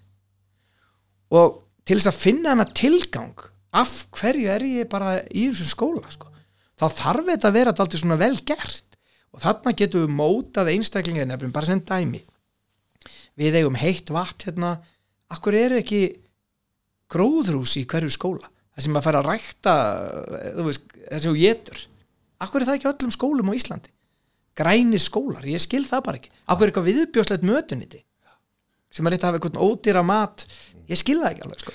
Er það ekki, þá væri mast búið að loka þessu gróðrúsi að því að það voru krakka með skítu að putta þín upp og það fór ekki eftir Ormar og eitthvað. Það er bara lögum aðbúna og hotlöftu hætti og vinnustöðum bara. Örglega, örglega sko. þessar reglur, má aldrei neitt maður. Beigja reglunar Já, það er bara rétt maður. Beigja þessar reglur aðeins. Alveg sko bara. En ég, kennsla já, ég segja eh, ég er ekki, ég er ekki á móti mentun sko, ég held að hún sé að, sko, við verðum að vera mentuð sko, ég held að það sé nöðsilegt en það þarf að móti vera fólk að vilja menta sig í það sem þau eru áhuga á að gera og gefa öllum tækifæri til þess. Það er eiginlega spurningin sko. Og það gerum við best með því að taka hundraboksin og velja bara, erðu hjálpa öllum að ná upp úr þessu. En þessi ástriða sem þú ert með, bara þegar þú ert að tala um þetta núna Þú ert bara, þú, þú lifna við og þú ert með ástriðu og, og hérna mér finnst mjög skemmtilegt uh, alls konar hlutir. Og, og ég minnst lífið eiginlega á stutt til þess að svo, langa, svo margt sem ég langar að prófa sko. Ótrúlega margt sko. en nema tegjustök Þú engan áhuga því. Og ég veit ekki af hverju, ég bara engan áhuga og fallegustak og eitthvað svona sko, en það er allir vinni mínu búin að gefa mér í ammæli sko út 50 og bara fallegustak, maður getur að henda En þér þú út. ert þetta að fljúa Jú, en ég er ekki samt sko, ég er ekki Ekki eitthvað sem að henda þér út af flögur Nei, ég er engin svona og ég er ekki loftrættur og ekki hrættur í flugvélum en þú veist, ég get alveg smíðað í mikill í hæð og svona. En það er ekki það. Það er bara eitthvað finnst þetta bara eitthvað svo, mér finnst þetta kannski, mér finnst þetta bara eitthvað svo galið mér finnst þetta bara eitthvað svona, ég hef mér bara engan áhuga Það er alltaf klikkar sko. já, og ég er ekki svona ég er ekki töffari, þú veist, í, á móturhjóli eða keir ekki brjála eða rætt og, og svo á ég fullt af vinum sem eru svo góður í þessu. Þeir, þeir, eru aftur dekkinu og þeir fara upp fjöll á okkur hjólum og ég er bara svona eins og síðastur Þú það ekki spáði eins og í kvartmílur að fara eitthvað svoleiðis eða? Ég er, nei, ég er bara ekki svona típa. Og ég hefði kannski haldið það. Þú veist að ég væri típa sem færi eitthvað all-in eitthvað, ég er það bara alls ekki.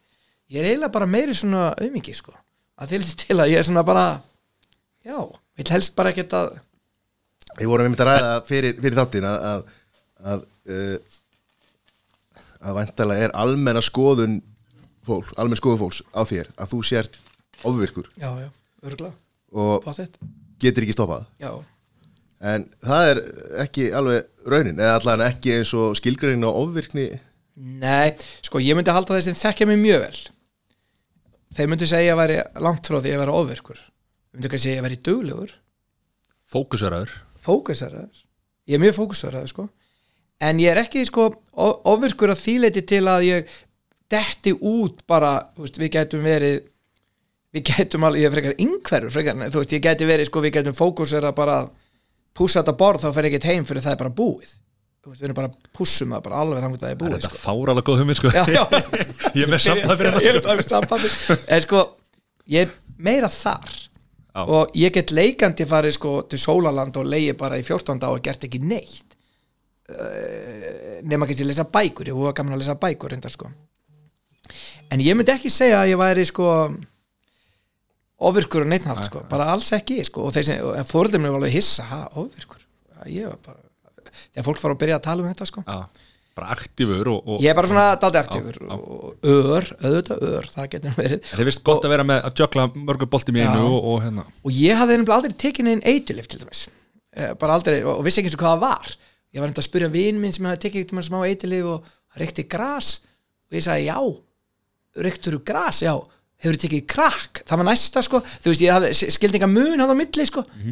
Og þannig að ég hef aldrei sko tekið neitt svona, neitt svona og aldrei raunininn en víta mín beint og mikið og, og ekkert óbáslega mikið að prótumdrykkjum eða orkudrykk eiginlega valla og eiginlega bara aldrei drukki orkudrykk sko held ég. Já. eða mjög sjaldan held ég. Kannski fimm sinnum. En Hvað gerir það fyrir? ég, ertu- bara ekki hugmyndu það. Ég, það ekki gera neitt en, Ertu í kaffi eða? Nei, ég drekki kaffi heldur og þess vegna hérna myndi ég segja sko að, að ég, að því að margir halda kannski þegar ég læriði allt hérna að menn getur tekið sko kókain þá ertu líklega á kókaini að því að þú ert svo ör þú veist að því að þú þú tala frekar rætt eitthvað svona sko. Ég veist ekki sko, eða, sko þú veist ég myndi ekki sko hvernig það virkar sko. Þannig að ég myndi segja að svarið við því alveg nei Já. en aftur á móti fannst mér hérna til dæmis sko e,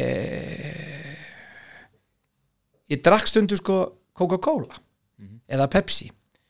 Og mér, mér finnst það sko rosa gott að fá mig stundum svoleið strikk sem var alveg skellist yfir mig því að náttúrulega íþróttálur mátti hann alls ekki að drekka gós og sonum minn kom ekki nála til þessu sko. Ah. þetta bara fáránlegt að ég var að drekka gós ertu ekki íþróttálur þetta fuck þetta að gera sko? Ah.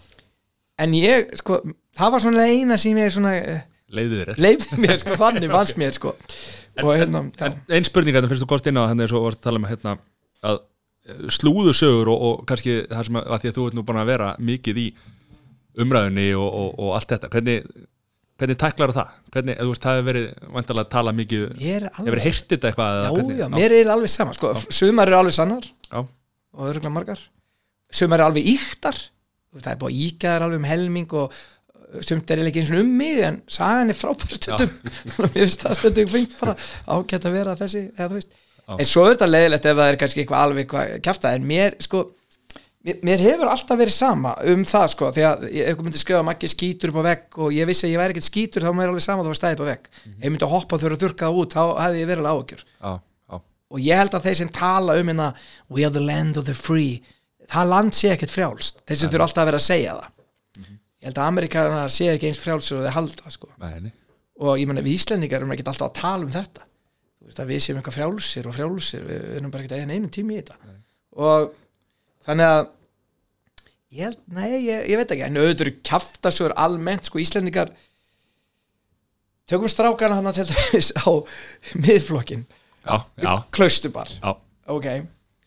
Sko hræðilegt þegar þau sögðu fárálegt bara bara allt sem og, og þeir hefðu bara átt að beða afsökunar og, og, og bara á þessu bara.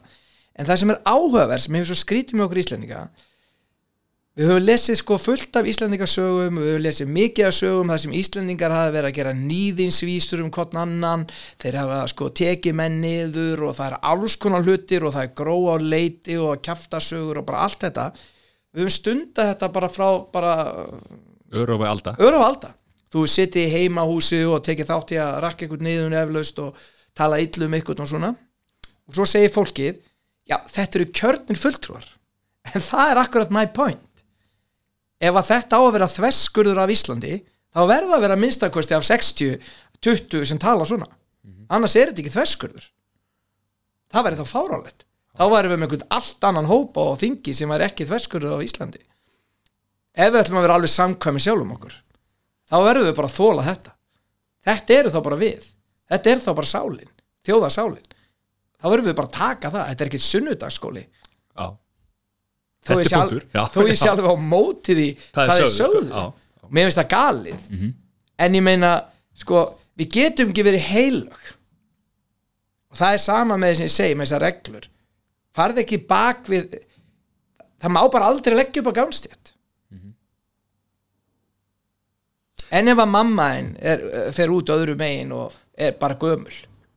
Getur ekki stíð upp á gánstjætt má þá leggja upp á gánstjætt eða þú veist hvað hva, af hverju getur ekki verið meira bara svona jolly, happy? Í, já, Já. noti lífsins.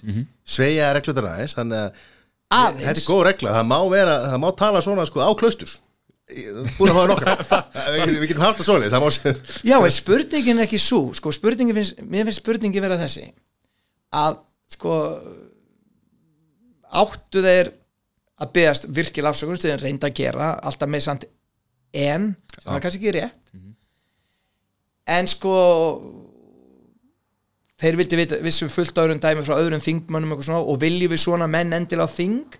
Það er alveg spurningamerki. Og það- þá getur fólk kosið. Ég er að segja það, það er bara, við, það er næstu kostningar sína Já. það bara hvort við viljum hafa Já, það eða ekki. En fólk að lappa út af þingi neita að vinna með eitthvað svona þetta finnst mér bara galið.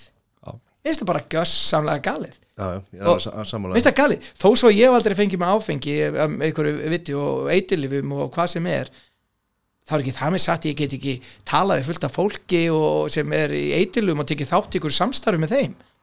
Ég fer oft mér í bæ og lauma svona aurum af strákum sem eru í vandræðum. Bara oft. Og, og, og þannig að og get sittið með þeim og þeir segja mér eitthvað skemmtilegt ég heyr oft miklu meiri spekki frá þessu fólki heldur en hinnum þannig að, en, að, en það er, að þið vorum að tala um bækur. Já. það ég að segja eitt sko, ég hafði, eh, sko það var eitt aldrei skemmtileg sem ég gætt gert. Ég flög rosalega mikið um allan heim því ég var í Latabæ og þá tók ég hérna og las svona kannski svona 150-200 bækur ári. Og þá gæti ég tekið það með mér í flug og lesið þær. Þá hljópi ég á bókasamnið tók bækur randomli í, og er bara svona bara, hvað heitir það svona bara svona handahófi bara úr, bara, og mátti ekki skoða þér bara, ég þurfti bara að taka sjöbækur eða eitthvað og í pókan og svo bara út. Og svo þurfti ég að lesa þér og þetta, ég hafði þetta eru bækur sem ég hafði engan áhuga að lesa. Bara engan. Svo þegar ég hérna, las þetta þá var þetta ógislega eða stundu fyrst eh, um geimfara eða ketti eða kúbanska vindla sem voru vapnir einhver staðar eða hvað sem er sko en svo var þetta bara áhugaverðustu bókunum sem ég byrjaði að lesa. Bækur sem ég hafði engan áhuga á. Og ástæðan er eiginlega svo að við gerum alltaf sama.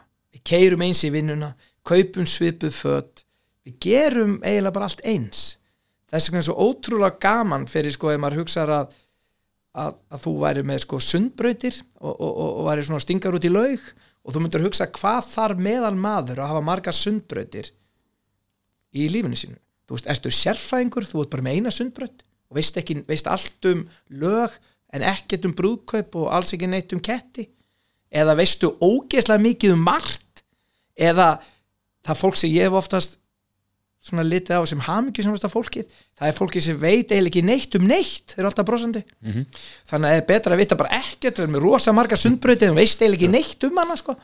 eða átt að vita rosa mikið um þrjárbrautir og svo lítið um hitt ég er að stúdur þetta eins hvað þar, getur haft marga sundbrautir opnar í lífinu þínu? Og þá er ég að spyrja, gætur þú opna nýja braut með því að gera að lesa bók kannski sem þú hefur ekki áhuga á? Kannski eitthvað bara sem þú hefur bara engan áhuga á. Mhm.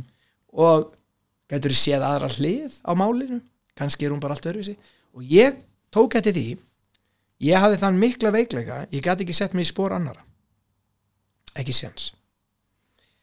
Þegar ég segi þetta þá á ég, við, á ég við það að það var ekki það að ég gæti ekki sett mig í spórin að, að, að, að, sko vorkenna þeir ef að þú varst óreglum aður að hjálpa þær að fá mat eða eitthvað svoleiðis, ég gæti alveg sett í smá spórin þannig, en það sem ég átti við ég mat allt út frá sjálfu mér. Bara allt. Veitu, akkur getur þú ekki unni 12 tíma, ég er búin að vinna sko 18 tíma í 5 daga. Þú veist hvað, akkur getur þú ekki unni í 12 hvað, hvað, akkur ekki? Eða af hverju fattar hann ekki þetta eða akkur hann ekki að fljótur að gera þetta eða akkur hann ekki að lengi eða að, ég mat allt bara út á sjálfu mér eins og mér fannst e, að hlutirnar þetta að vera. Svo fáum við alltaf að segja því að þessi 100 box sem við tölum um hérna það er bara fullt af fólki sem er bara allt öðruvísi. Hefur bara ekkert gaman af bílum. Finnst bara hundleðilt í íþróttir. Bara íþróttir bara glatað vilja bara ekki stunda íþróttir. Og þá fannst mér svo þá er ég ekkert að pressa alla að fara í íþróttir skilur mig, og maður fór að átta sér betur og betur og betur á þessu hvað fjölbreytnin er mikilvæg. Og þá reynir maður að setja sér í spórin já, hugsalega kannski er bara ef þú flautar vondur dagur hjá þér eða kannski gerðist eitthvað eða reyna að setja sér í spórin en ekki hugsa bara ég er hér og það verður að flauta á mig. Hugsalega er bara eitthvað annað. Ég ætla að setja mig í spórin hans. Af hverju flautar hann? hann er að flýta sér honum finnst ég keira á hægt. Ég er kannski á rauðuljós og fer ekki nú hratt þegar græna kemur. Það getur verið eitthvað. Já, já. og aldrei persónulega gegn þér sko sem að Nei, ekkert endilega, öruglega ekki, veitu öruglega ekki hver ég er. Nema bara flautar að þegar þú átti kannski nýja reynsóður þá flautuðu menn tundum, sérstaklega eftir?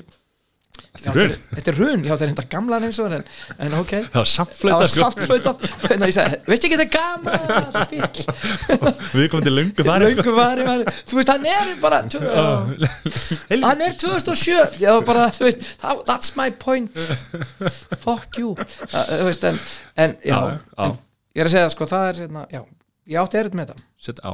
Setjum í spori má ég hérna aðeins bara aðeins svona, smá þessu sko af því að gaman að því að þú talar um reglurnar og það er það á sveigjaðar og svona og svo hefur við mikinn áhuga á uh, byggingum og arkitektúr og, og svo er það ekki ekkert nema reglur? Sko, frábært. þarf að vera eh, svona og hurðarkarmurinn og Rosalega. burðurinn og, og er það svona, ertu þar viltu þar svona færðu þínar reglur í lífinu? Nei, það er brýti ég líka allar. Eins og hérna eins og hérna hvað hérna í Barcelona Já, byggingin, hann að gáti bygging. Já. já gáti, frábær bygging.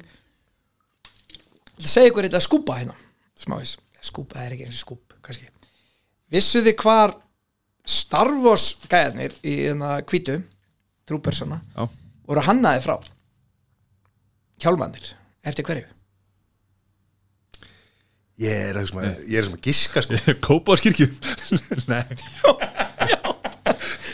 getur verið, það er mjög nátt ég var að hugsa eitthvað allt annað sko. Nú hef ég aldrei sín eina starfsmynd ég hugsaði maður eins og að væri eins og, eins og, eins og kongur framan á, Já, já. framan á hérna manns já, kynfæri. Já, en það er það reyndar ekki. Það er svipað, jú. Þú fer alltaf En- þangað já, en það, það, það er nála því en þetta er sko af þessari byggingu gáti byggingun í Barcelona. Þetta eru lofttúðunar upp á þakkinu á því. Þar fekk Lukas hugmyndina Þetta hefðu við getað sagt okkur sko. Að tala um byggingu og þú fórst bara beint inn í Já. kynfærin á þér sko. En ok. Já, en það er satt. Allt bara, ei, Star Wars kallir komin Veskið sem verður að pissa. Og svo er ekki séð myndina. En já, þetta var í fyrsta myndi sem hún færi á. En, já, við vorum að tala um arkitektur. Hvað, hérna, húsi sem þú byggðir hérna Já, segðu hvernig þú brýtur reglurnar í Já, ég ætla að útskjöru verkum með það bara með, byggingar. Það sem ég held að sé bara að núna í gamla daga var þannig að þá máttir þú hjálpa og byggja húsið þitt sjálfur og menn tóku þátt í þessu og svona. Nú er þetta allt í ykkur reglugerðum. Og aldrei hafa húsi verið léleri. Nákvæmlega. Bara aldrei, það er sko dýristu Við- byggingur Íslandsögunar hérna uh, orkuveitu húsin og allt þetta mýlegur og allt, þetta er allt ónýtt. Það var gróðurhús. Já. sveppahúsi kannski að það skóla inn í það. Já. en þannig í rauninni sko já, þá, þá, þá er þetta alveg þannig. Það komur svo mikið að reglum. Ég meina alls konar reglum bara.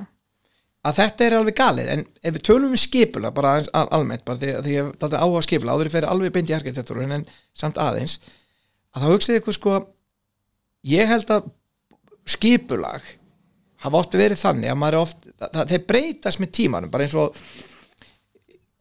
fullt á húsum út á landi voru með kannski litla glugg út á sjó stundum að því það kom kuldin, þar var dauðin og það var bara eitthvað svona, það bara var, þú veist.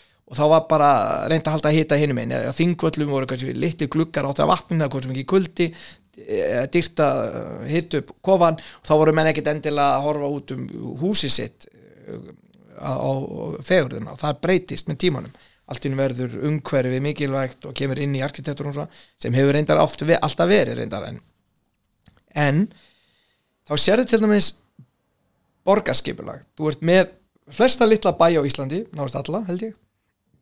Þegar þú kemur inn í bæinn þá er hann gott sjoppa og, eða steipustöðin fremst og ruslahöðnir hinum einn þegar þú keir út úr bænum hinum einn ef þú getur keirt í gegnum hann.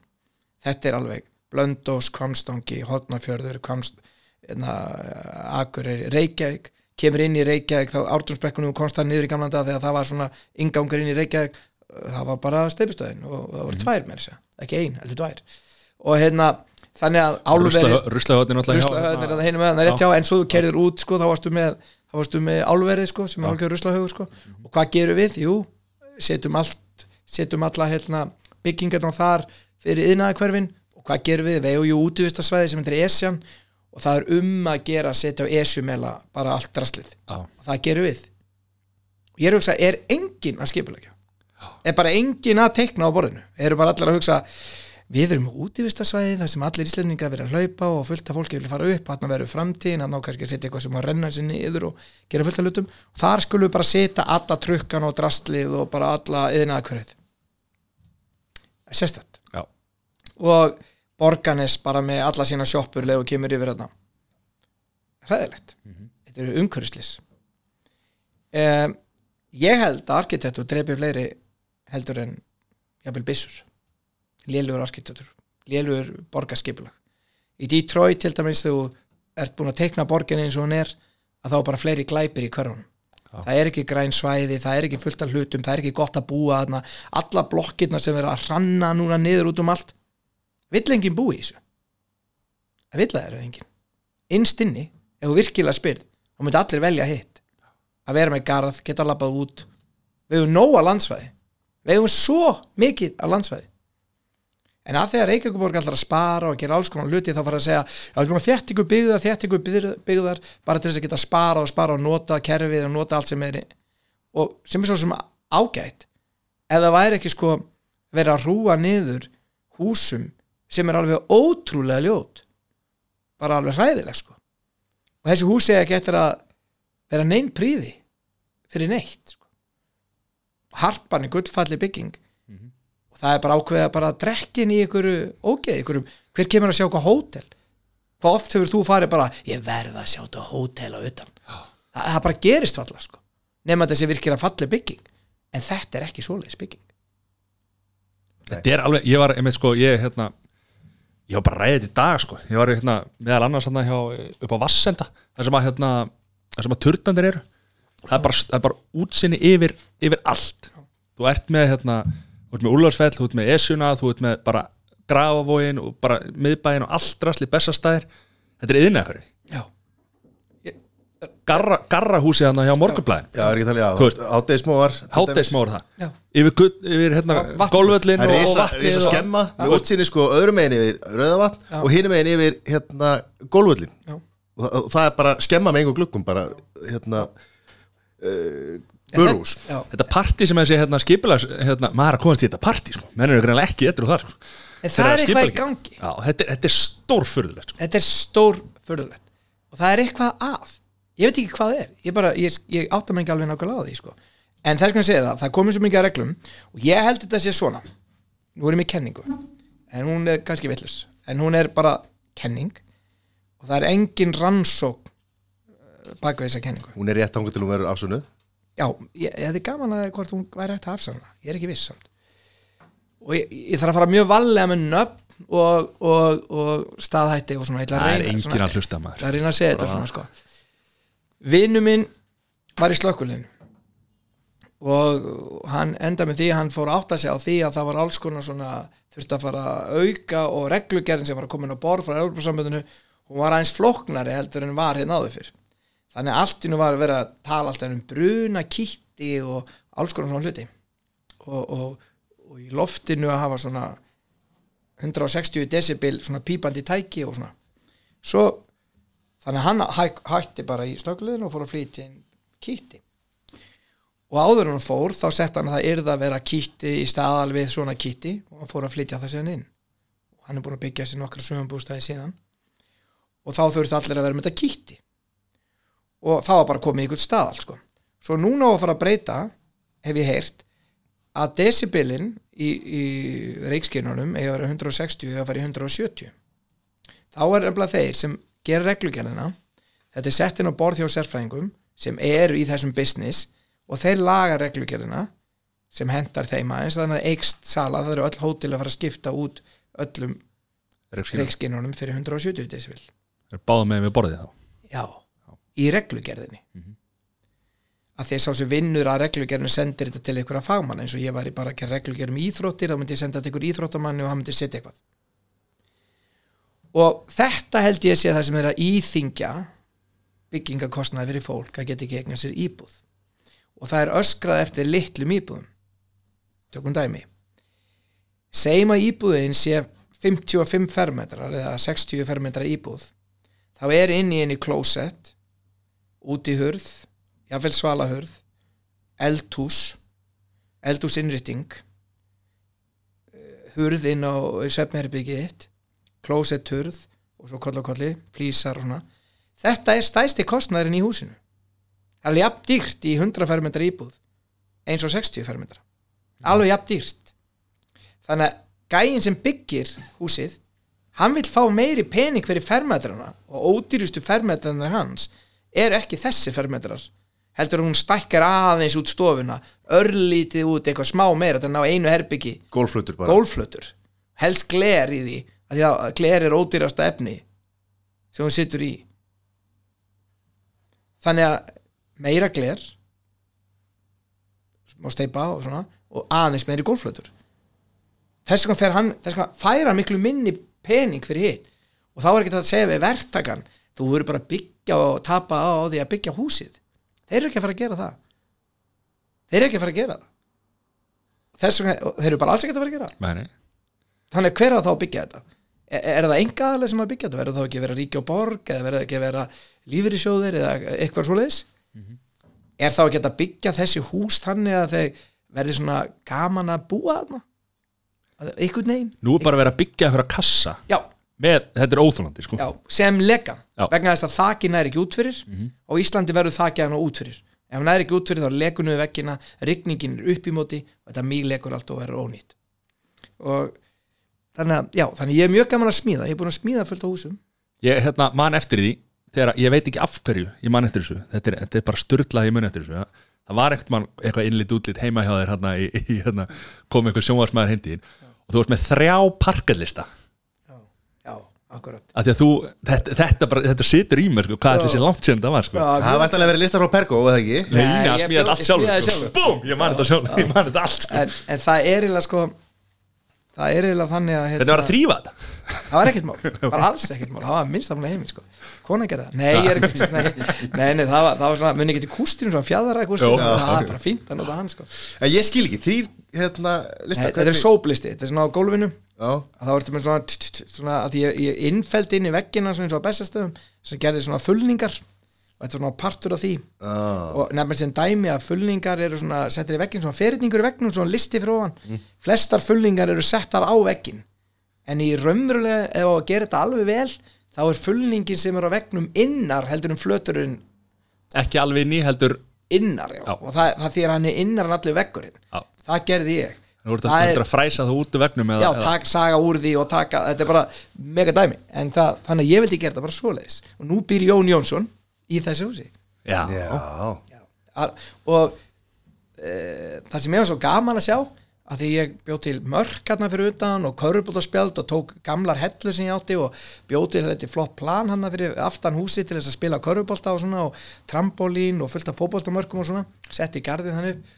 Svo kerði hérna fram hjá um daginn var að fara í golf og þá sá ég að hann var með alla familjín úti allir að, uh, í, í fullt af krökkum að þetta var svona fullt af krökkum sem komi í hverfið og voru að spila körfu og voru í fótbolta og svona. Þá hugsa maður bara yes, þetta fyrir næstu kynslu Ó, þú ættir að kíkja við. Eða ekki heita könnunni? Já, já, já, þetta segja, eru hellurnar eitthvað að losna, komið mosi í hellurnar. Og ekki að reynsa þeir En þú smíðaði þetta hús bara frá grunni sjálfur? Já, upp? Já, Svo fórst í hérna núna var, ég sá hérna heimsók með sindra hérna bústæðurinn hérna. Kefti hérna bústæðurinn að Bjarka Guðmus á Þingvöllum. og hann var reyndar dálítið illa farinn eða hann var svona að rinja fram fyrir sig. Og ég gerði hann upp, það tók fjögur og hálft ár. Og Einar áhugir sem ég hef hann að ég sá þetta, guðubæði Hvernig er loftræstingin hana? æðisleg. Ok, að því að ég bara, maður sá bara gler, bara, gler bara. en það er sko, þú getur verið með þurrgufu og blöytgufu sko, eða sko, þú getur líka verið með sko raka í gufunni, þau er 20%, 30%, 40% svona, og þá, ef þú kynntir að róla upp, þá kemur ekkert á gleri sko, Já. ekki neitt svo leiðis svo ef hún rétt loftuð út sko, að því að gufa á ekki að fara sko, út, gufa á að fara inn í húsi aftur. Þannig að það á að fara inn í rými sem er 22 gráður, á, það á ekki að fara út í kulda sko. Þannig að, þannig að þú, þú ert búin að hugsa þetta allt? Já, þetta er bara sána.is Veitum við, nú var var alltaf sett að þetta vera að opna glugga til þess að fá rakan og svona út en þú vilt meina nefnir inn Já, og það er þannig sko, hús eru sko, það sem er, það sem er gallin við hús, sko, e, sko þetta er í sánabaði sko, en, en ef- þegar þú átt hús þá vantar oft svona loftræstingar, gluggarnir eru miklu þjættar í dag og þegar þeir lokast menn loka gluggum og svona að í húsum þá verður ómikið raki, það er ómikið rakast í húsunum. Og þegar að mikið e, það vanti sko rakavarnarlag inn í húsið til þess að passa að rakin far ekki og það er minni áherslu á þetta núna og þess vegna eru miklu skemmtir í húsum. Og svo eru mörg hús einangur utanfrá og það er að mistakast það er ekki réttur það er líka að gerast. En þú þarft að hafa túður í húsinu til þess að loft út. Það, það, það, það verður að vera. Þú Öndun. verður að hafa loftun í húsinu. Það er alveg gríðana mikilvægt. Ó, við getum rætt þetta í allan dag sko. Ég vil reyna með þetta. En hvað hérna, förum aðeins í hérna, þetta sem stúdíói sem hún gerði þannig fyrir Latabæ. Já. Þetta var bara eitt, eitt bara fullkonasta stúdíó í heiminum sín tíma. Ekki heiminum, þetta var eitt fullkomnasta green screen stúdíó í heiminum á þeim tíma. Já. og green screen er þannig að þú ert með svona græn, græn bak við þig Glemdi einu orði, sorry maður. Og, og já, það er svona græn bak við þig og þá, þá er allt, ef þú kemur í grænu fötum þá myndir þú hverfa. Já, þá sæðist ekki á myndinni. Og þetta var maður sem að ég fekk alveg ótrúlega fallet og flott gengi sem mann í Latabæ bara starf og Latabæ er bara eh, sko, svakalega flott gengi. Bara hver einasti maður sem mann í Latabæ þetta var bara, þetta var snillingar sko og þar var ég ekki þú veist, átti ég ekki sens í tækni þetta var bara alvöru tæknifólk sko. Og þar komum maður, eins og einn maður sem að, eh, var algjörlega snillingur sko, hann bjóð til maskinu sem er svona, svona, svona takkar svona, og kýjaði átt greenskrín það þýði það að ef að þú hefði labbað hann inn og væri með grænum fötum en heldir á flösku þá væri eins og flaskan myndi fljúa svona í lausu lofti. Já, og þá er það þannig að, að, að þú uh, þá yfir tekur þetta upp fer svo með þetta bakvið og það eru menn að taka út allt saman í, í, í þríti forriti allt, allt í burtu. Að því að liturinn sem er lístur upp á grænaskjáin hann er, hann er mismöndi ljósa honum og hann þarf að vera jafnastur til þess að hann hverfi. Að því að hann gerir svona einhverja liti til þess að láta það hverfa. En það sem gerði þetta ennþá erfæra fyrir hann því að hann kom hérna að við sögumst ætla að vera með ávægst og gremmiti sem er náttúrulega græn já, þannig ég var að henda sko gulrótum með svona grænu á og, og hverju svona grænu og kál og svona. Hann sagði að ég veit ekki hverju ég lendur sko. Það er, það er enginn að fara að setja á green screen grænt, það bara gerir enginn. Við verðum að hafa það. Og, hann, og þá var stundum menn með bláa skjái já, líka eh, svona fyrir aftan. En hann bara bjóð til vélina til þess að geta gert þetta live já. þannig að við gátum sko séð bakgrunnin og gert þetta allt bakvið. Líka sett húsin og Mynd, bara, Svo vorum við með, hérna, og þið vorum með myndavilar hérna, sem að voru, til dæmis ein myndavilar hérna, sem að var, var Sko- bara til fjórar í heiminum hef, jú það voru bara, það voru reynda sko það James voru, Cameron átti tværa þeim. Nei við fengum tvær, hann eina. Já, og þetta veit Viper kamerur og voru svona sérstaka kamerur eh, svona mjög næmar. Og hann notaði þær kamerur, kamerur til að, eða myndavilar til þess að, kvikmyndavilar til að taka upp avatar. Og þessar vélar voru sko og eða hvort hann skaut líka Titanic með þessu? Man ekki hvort hann skaut með Red eða með Viper kamerum, ég held Viper. Og þá, þá hérna og þá var það sendt til okkar það er ekki að því við vorum svona góðir við vorum reyndar góðir já, en við vorum, vissi ekki hverju vorum. Bara þetta er á Íslandi þannig að þetta fokast upp allt með þessar kamerur og þetta voru sko fyrstu eintekin almennilega og þeir voru að testa og þessi menn voru að koma stanslust til Íslands til þess að skoða þetta. Áður en að myndir láta hann fekk bara eina til að prófa áður en hann fengi sínar allar sko. Þá notuðu okkur svona sem, gamla gráða testið bara eins og í. Costco er að gera hérna með Ísland núna. Já, já, þetta- þetta er eiginlega svoleiðis, sko. Þannig að það er kostur og galla með er að vera Íslendingar það er sko. bara kostar að gæla þú ert svona smá test en það er Ísland frábær testmarkaður. Og ég man þetta að Coca-Cola eða Pepsi ég man ekki hver að sagði þetta það var sko marketinggæi og var að segja sko herðu af hverju við erum með, voru að kynna svona marketingherferð fyrir fyrir hérna Coke eða Pepsi. Og þá sögðu þeir já við ætlum að gera svona svona svona og plaggut og þetta og þetta. Og hann segi hvað eru margir hérna? 300.000 veit af hverju ringir ekki bara alla og segir henni bara að kaupa. Þetta Ég meina, 300.000 er ekki neitt, Það er ekki við gerum 600 manns 600.000 á dag. Eitthvað sér svona call center. Okkur ringir, viltu kaupa? Keftu, fara út í búið að keftu og svo fyndi sko. Já. En hérna, núna fóstu inn á marka þarna sem að var eins og Íslendinga voru ekki búin að selja sjónvasp rétt erlendis og, og hérna, þetta er ó, hvað sem er, ó, Præður agur. ópræður Nei, þetta er ekki, ekki, ekki. Þetta var hérna Ísland hafði ekki mikla reynsli í þessu. Orðaða þannig, Já. við vorum búin að gera mikið af uh, sjónvastáttum en það voru ekki mikið af sjónvastáttum sem voru svona serjur og þegar ég tala en þa þá, þá vil ég ekki gera lítið úr nokkru þáttum, vegna þess að til dæmis eins og sem ég held að við höfum litið ekki nú að hátt á alls ekki og gert alls ekki nú að hátt undir höfði það var eins og spaukstofan og bara spaukstofan hefur gert hvað 300 þætti Já, vikulega. Og það er meir en að segja það. En ég er ekki að tala um svona þætti af því þetta er svona meira e, svona hann alveg ska, heit, heitir svona sketcha þættir. Þetta er Mhm. það ekki er erfitt að selja þetta elendis já þú getur það ekki. En, og, og, og, en það sem við vorum með lengstu reynslu var forbókabúðin sem voru 16 þættir þannig að við áttum ekkert mikið af svona þáttum bara mjög lítið. Og flest norrænt samstarf gengur út á það að þú Ísland skiptir út úr pökkum og fá sænstefni og norsk tilbaka þetta er, svona, þetta er svona allir verða að kaupa á hver öðrum. Skiptið dýl þetta er skiptidíl, þetta er svona eiginlega neitt kaupa þetta markaður þú ert svona neittur og þannig að þú getur ekki sagt að þú hefði selt þetta frjálst. Þetta fór bara ykkur um pakka. Já, þannig að við áttum ekkert mikið af þessu. Þannig að það var ekkert margir sem hún gafst hringt í þannig að þetta var svona daldið nýtt. Og við stúturum þetta mjög vel ég og Ágúst Ingarsson og starffólk Latabæjar. Bara við fórum að fullt í þetta við vorum kannski sjö saman. Og stúturum þetta mjög vel hvernig getum við komið þessu á markað? Hvernig gerum við þetta? Fullt af hraðarindrunum með fullt af beigum og, og, og, það eru bara sko það er, það er mjög lítið að yðnaði eða eitthvað sko sem hafa jafn fáa ákvöruna aðela í. Það er bara nánast ekki til sá yðnaður það eru hundra manns í heiminum jafnvel færri, cirka það getur verið svona 80 myndi halda sem segja já og nei hvort þú sett í business eða ekki. Og það er engin annar business þannig sem ég veit um.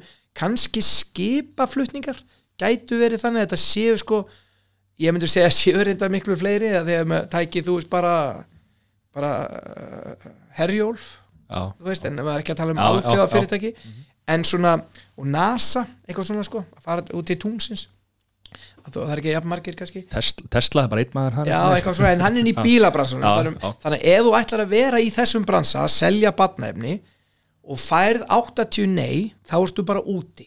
En ef þú setur þetta í samingi, ef ég væri að selja til dæmis golfgræður eða ból gæti ég þá farið á 100 staði með bólinn og reyna að selja hann? Alveg pottet, Já. gæti ég farið á 1000 já, gæti ég farið á miljón líklega.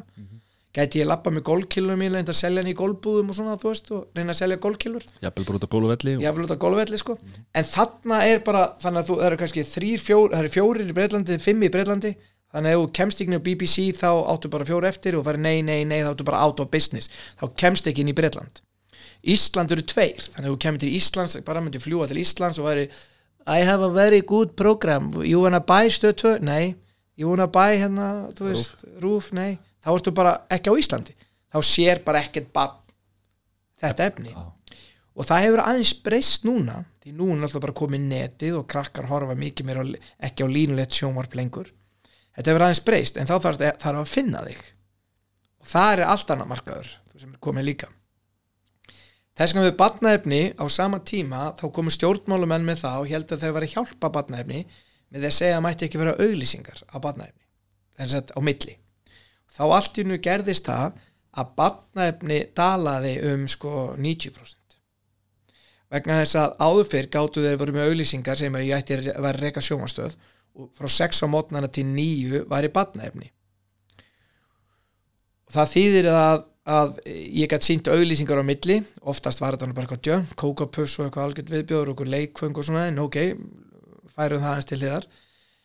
Að þess vegna var sagt að börn mætti ekki vera expose eða mætti ekki sjá auglýsingar. Og þegar þið gerði það það átti sjónvastöðin sem rak sjónvastöðin og hugsaði ég fæ enga tekjur á barnæfinu þannig að hann fór að færa barnæfinu fá fjögur til sjö á mótnana kannski.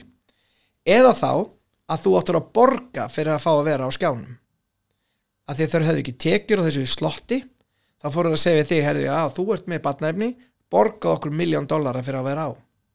Það gerðist á tíu árum meðan ég var að filma Lazy Town Latabæ, þá fór batnaefni úr því að vera með góðar tekjur fyrir sölun og sjónvarpi í það að vera að þú þurftir að borga. Og við gerðum það aldrei. Og að því að Latibær hafið alveg uník stöðu að vera bæði fyrir stelpa og stráka. Þá var reytingið hærra á horfið og það er badnaefni er illt búið til fyrir stelpa og stráka.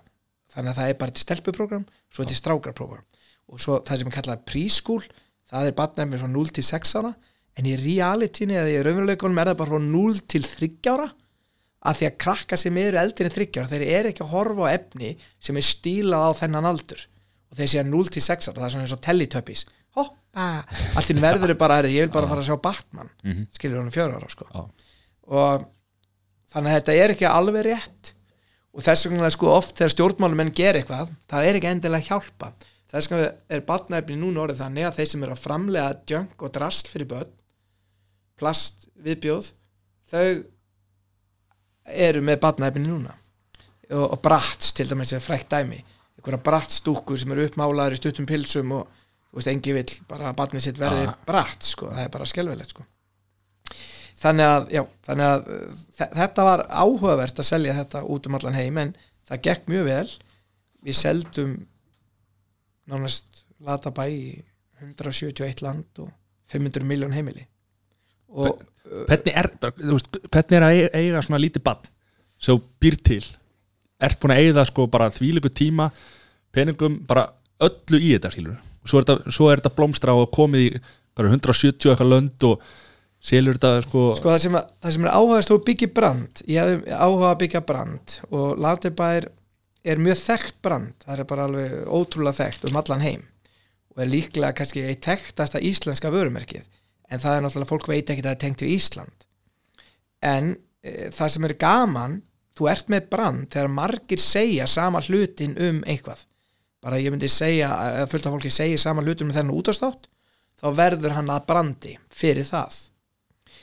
En það er ekki það hvað ég segi um Latabæ, ég get sagt Latabæ er um þetta en það er, þú veist þó að ég segja það hundra sem þá er það ekki um það endilega það er það sem fólki segir. Og mér fannst ofsalega ánægilegt þegar kom alveg þúsundi brefa í Latabæ og sögðu það sama og markmið okkar var með þáttunum. Það er ofsalega svona markis promise eða, eða, eða, eða brand promise sem við vorum með. Og það var gaman sko. Þannig að ok- okkur fannst gaman að hérna, að sjá það. Og það var það sem gaf mér mest verið að viðkjanna þetta var ótrúlega strempið það var svona töff jobb að vera í 20 og eitthvað ár að gera 26 ár. Það var virkilega strempið sko. Og ég er ekki vissi ég myndi gera þetta aftur. Ég er allan öðruvísi myndi ég gera það.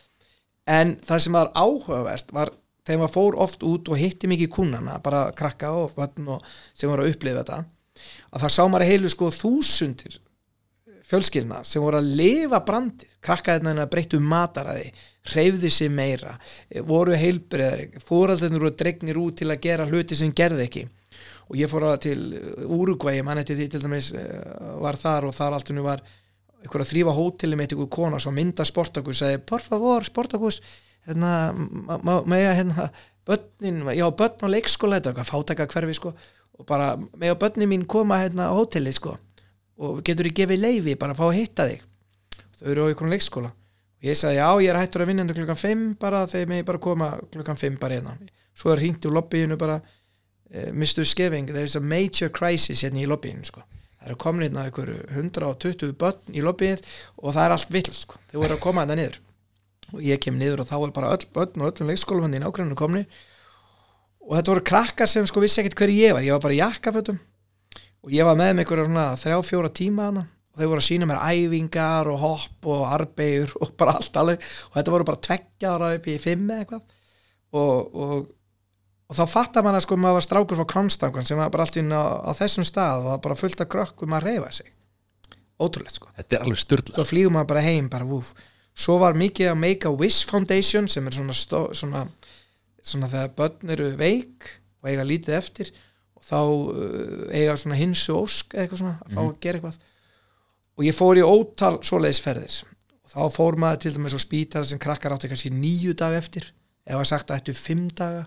Og þá fórstu kannski og hittir einn til dæmis ég mann eftir einu í Breitlandi sem ég kom til og þá var það svona lítið strákur sem 7-8 ára tók á móti mér sko þá var læknandi búin að segja hann er mjög veikur það er búin að skera hann upp alveg höfuð á honum hann þarf að setja grafkýr og fara í svona skanna endalaust og að vera alveg grafkýr í marga klukkutíma og, og hann get, hann ná bara eitthvað nokkra dag eftir. Getur þú komið? Og ég spyr hvað ég koma með spyr ég strákinn sko, því ég talaði hann.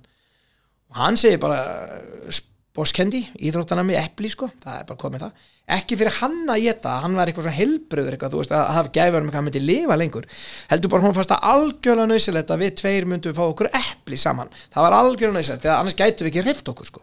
Væri við bara ekki að fara að hreyfa okkur saman sko, það væri algjörlega gali sko. Þannig að ég kem með epli með mér og flýg halvan hötti með epli og, og mæti til hans. Þá stendur hann bara í búning. Bara bara leið og ég kem inn á spítalan og fer með um allan spítalan og hann fer kottnýsa og við þurfum að gera standa á höndum og, og svona og gera alls konar hluti og lækna þeir hérna hjá bara þú veist að þeir heldur að hann myndi bara detta niður. Og hann gerir arbegur með mér og við gerum alls konar hann síndi mér herbyggi sitt og það var alveg þakið að myndum að íþróttalunum sko. Og svo síndi hann mér skanna minn.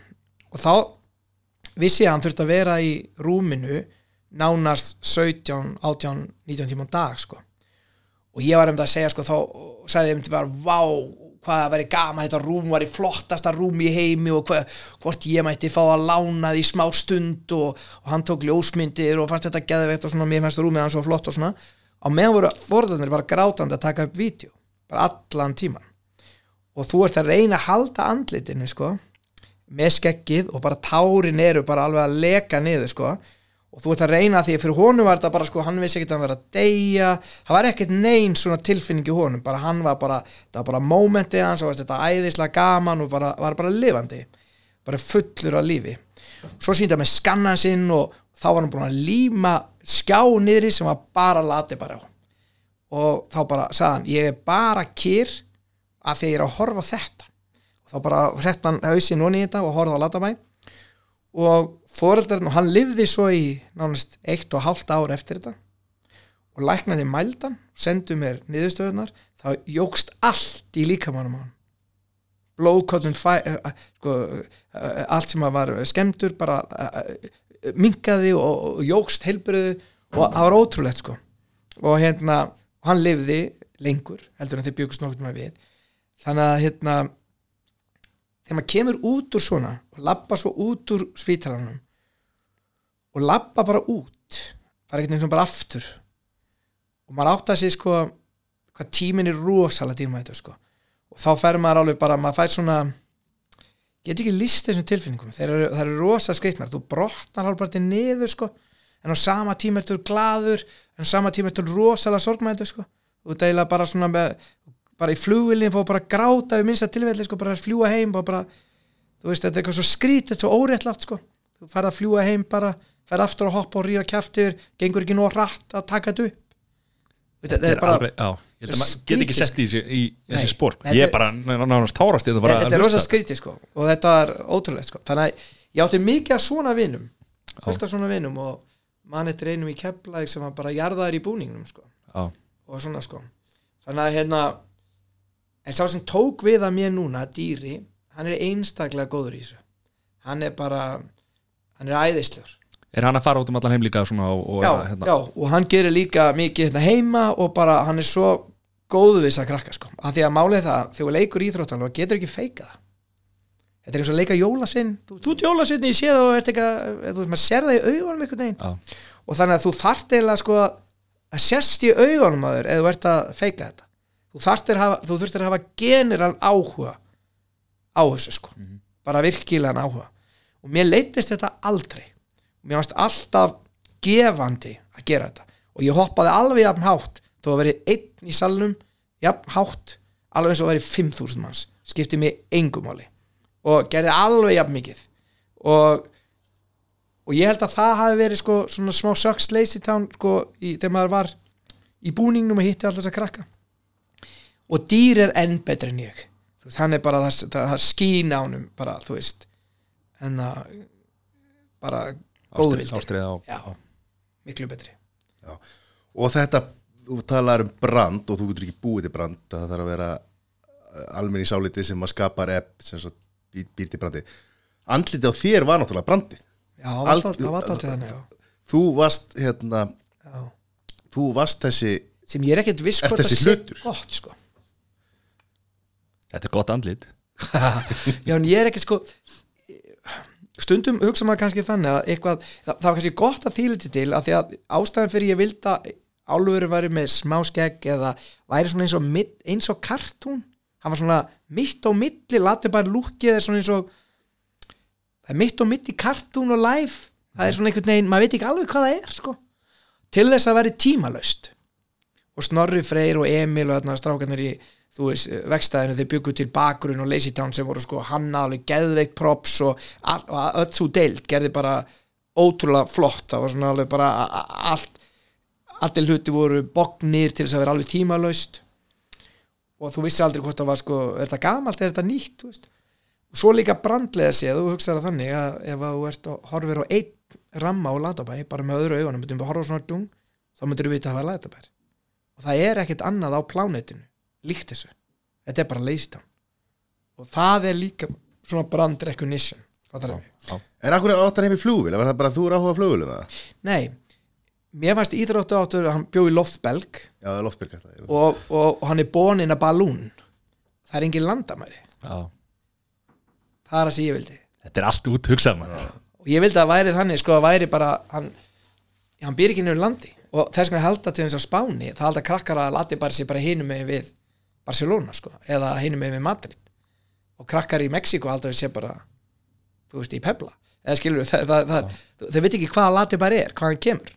Og ef þú tekur latabæða personu af því ég, ég, ég, ég glimti við það alla mína tíð að reyna að útskýra heilbriði og glimti við það, ef þú tekur ring og teiknar ring utan um alla latabæja karakterina bara, þá er það svarað það spurningunum minn um heilbriði því ég hef búin að fara í hundruðu viðtala við fóreldra áður í gerði latabæja, fór ég út um allt og spurði fólk um, bara áskona, þá voru þetta eitthvað svona sjö element sem allir fóreldra vildu til að ala upp heilbriðt bann og þá voru þetta svona vildu að fylgdi ykkur reglum þau, e, e, og myndu samt brjóta þér af því að þú vi- vilt ekki krakka til fylgi bara reglum, konum fengi ekki að kjósa byrju það er regla sem við viljum brjóta og, hvað svo ruggla er þetta, við að konur að kjósa við viljum push the envelope.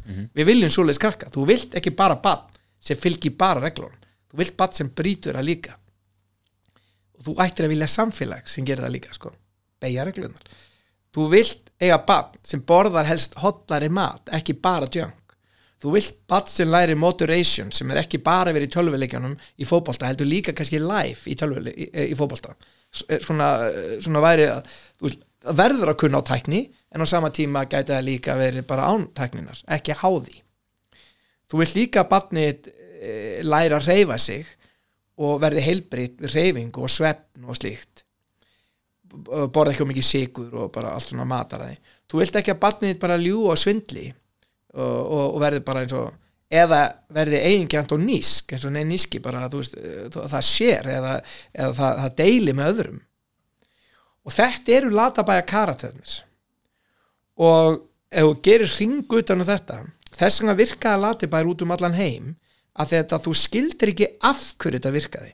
En þú fattaði strax vá, þetta er bara svo bróðu minn eða heyrðu, já, ég þekki eitt sem er úr að þetta er inn í þér, þú ert allir þessi karakterar þú ert bara íþróttalögin þínum besta degi, þú vaknar á þetta íþróttalögin vá, get ekki hægt allt í dag rosalega, vei, til í þetta.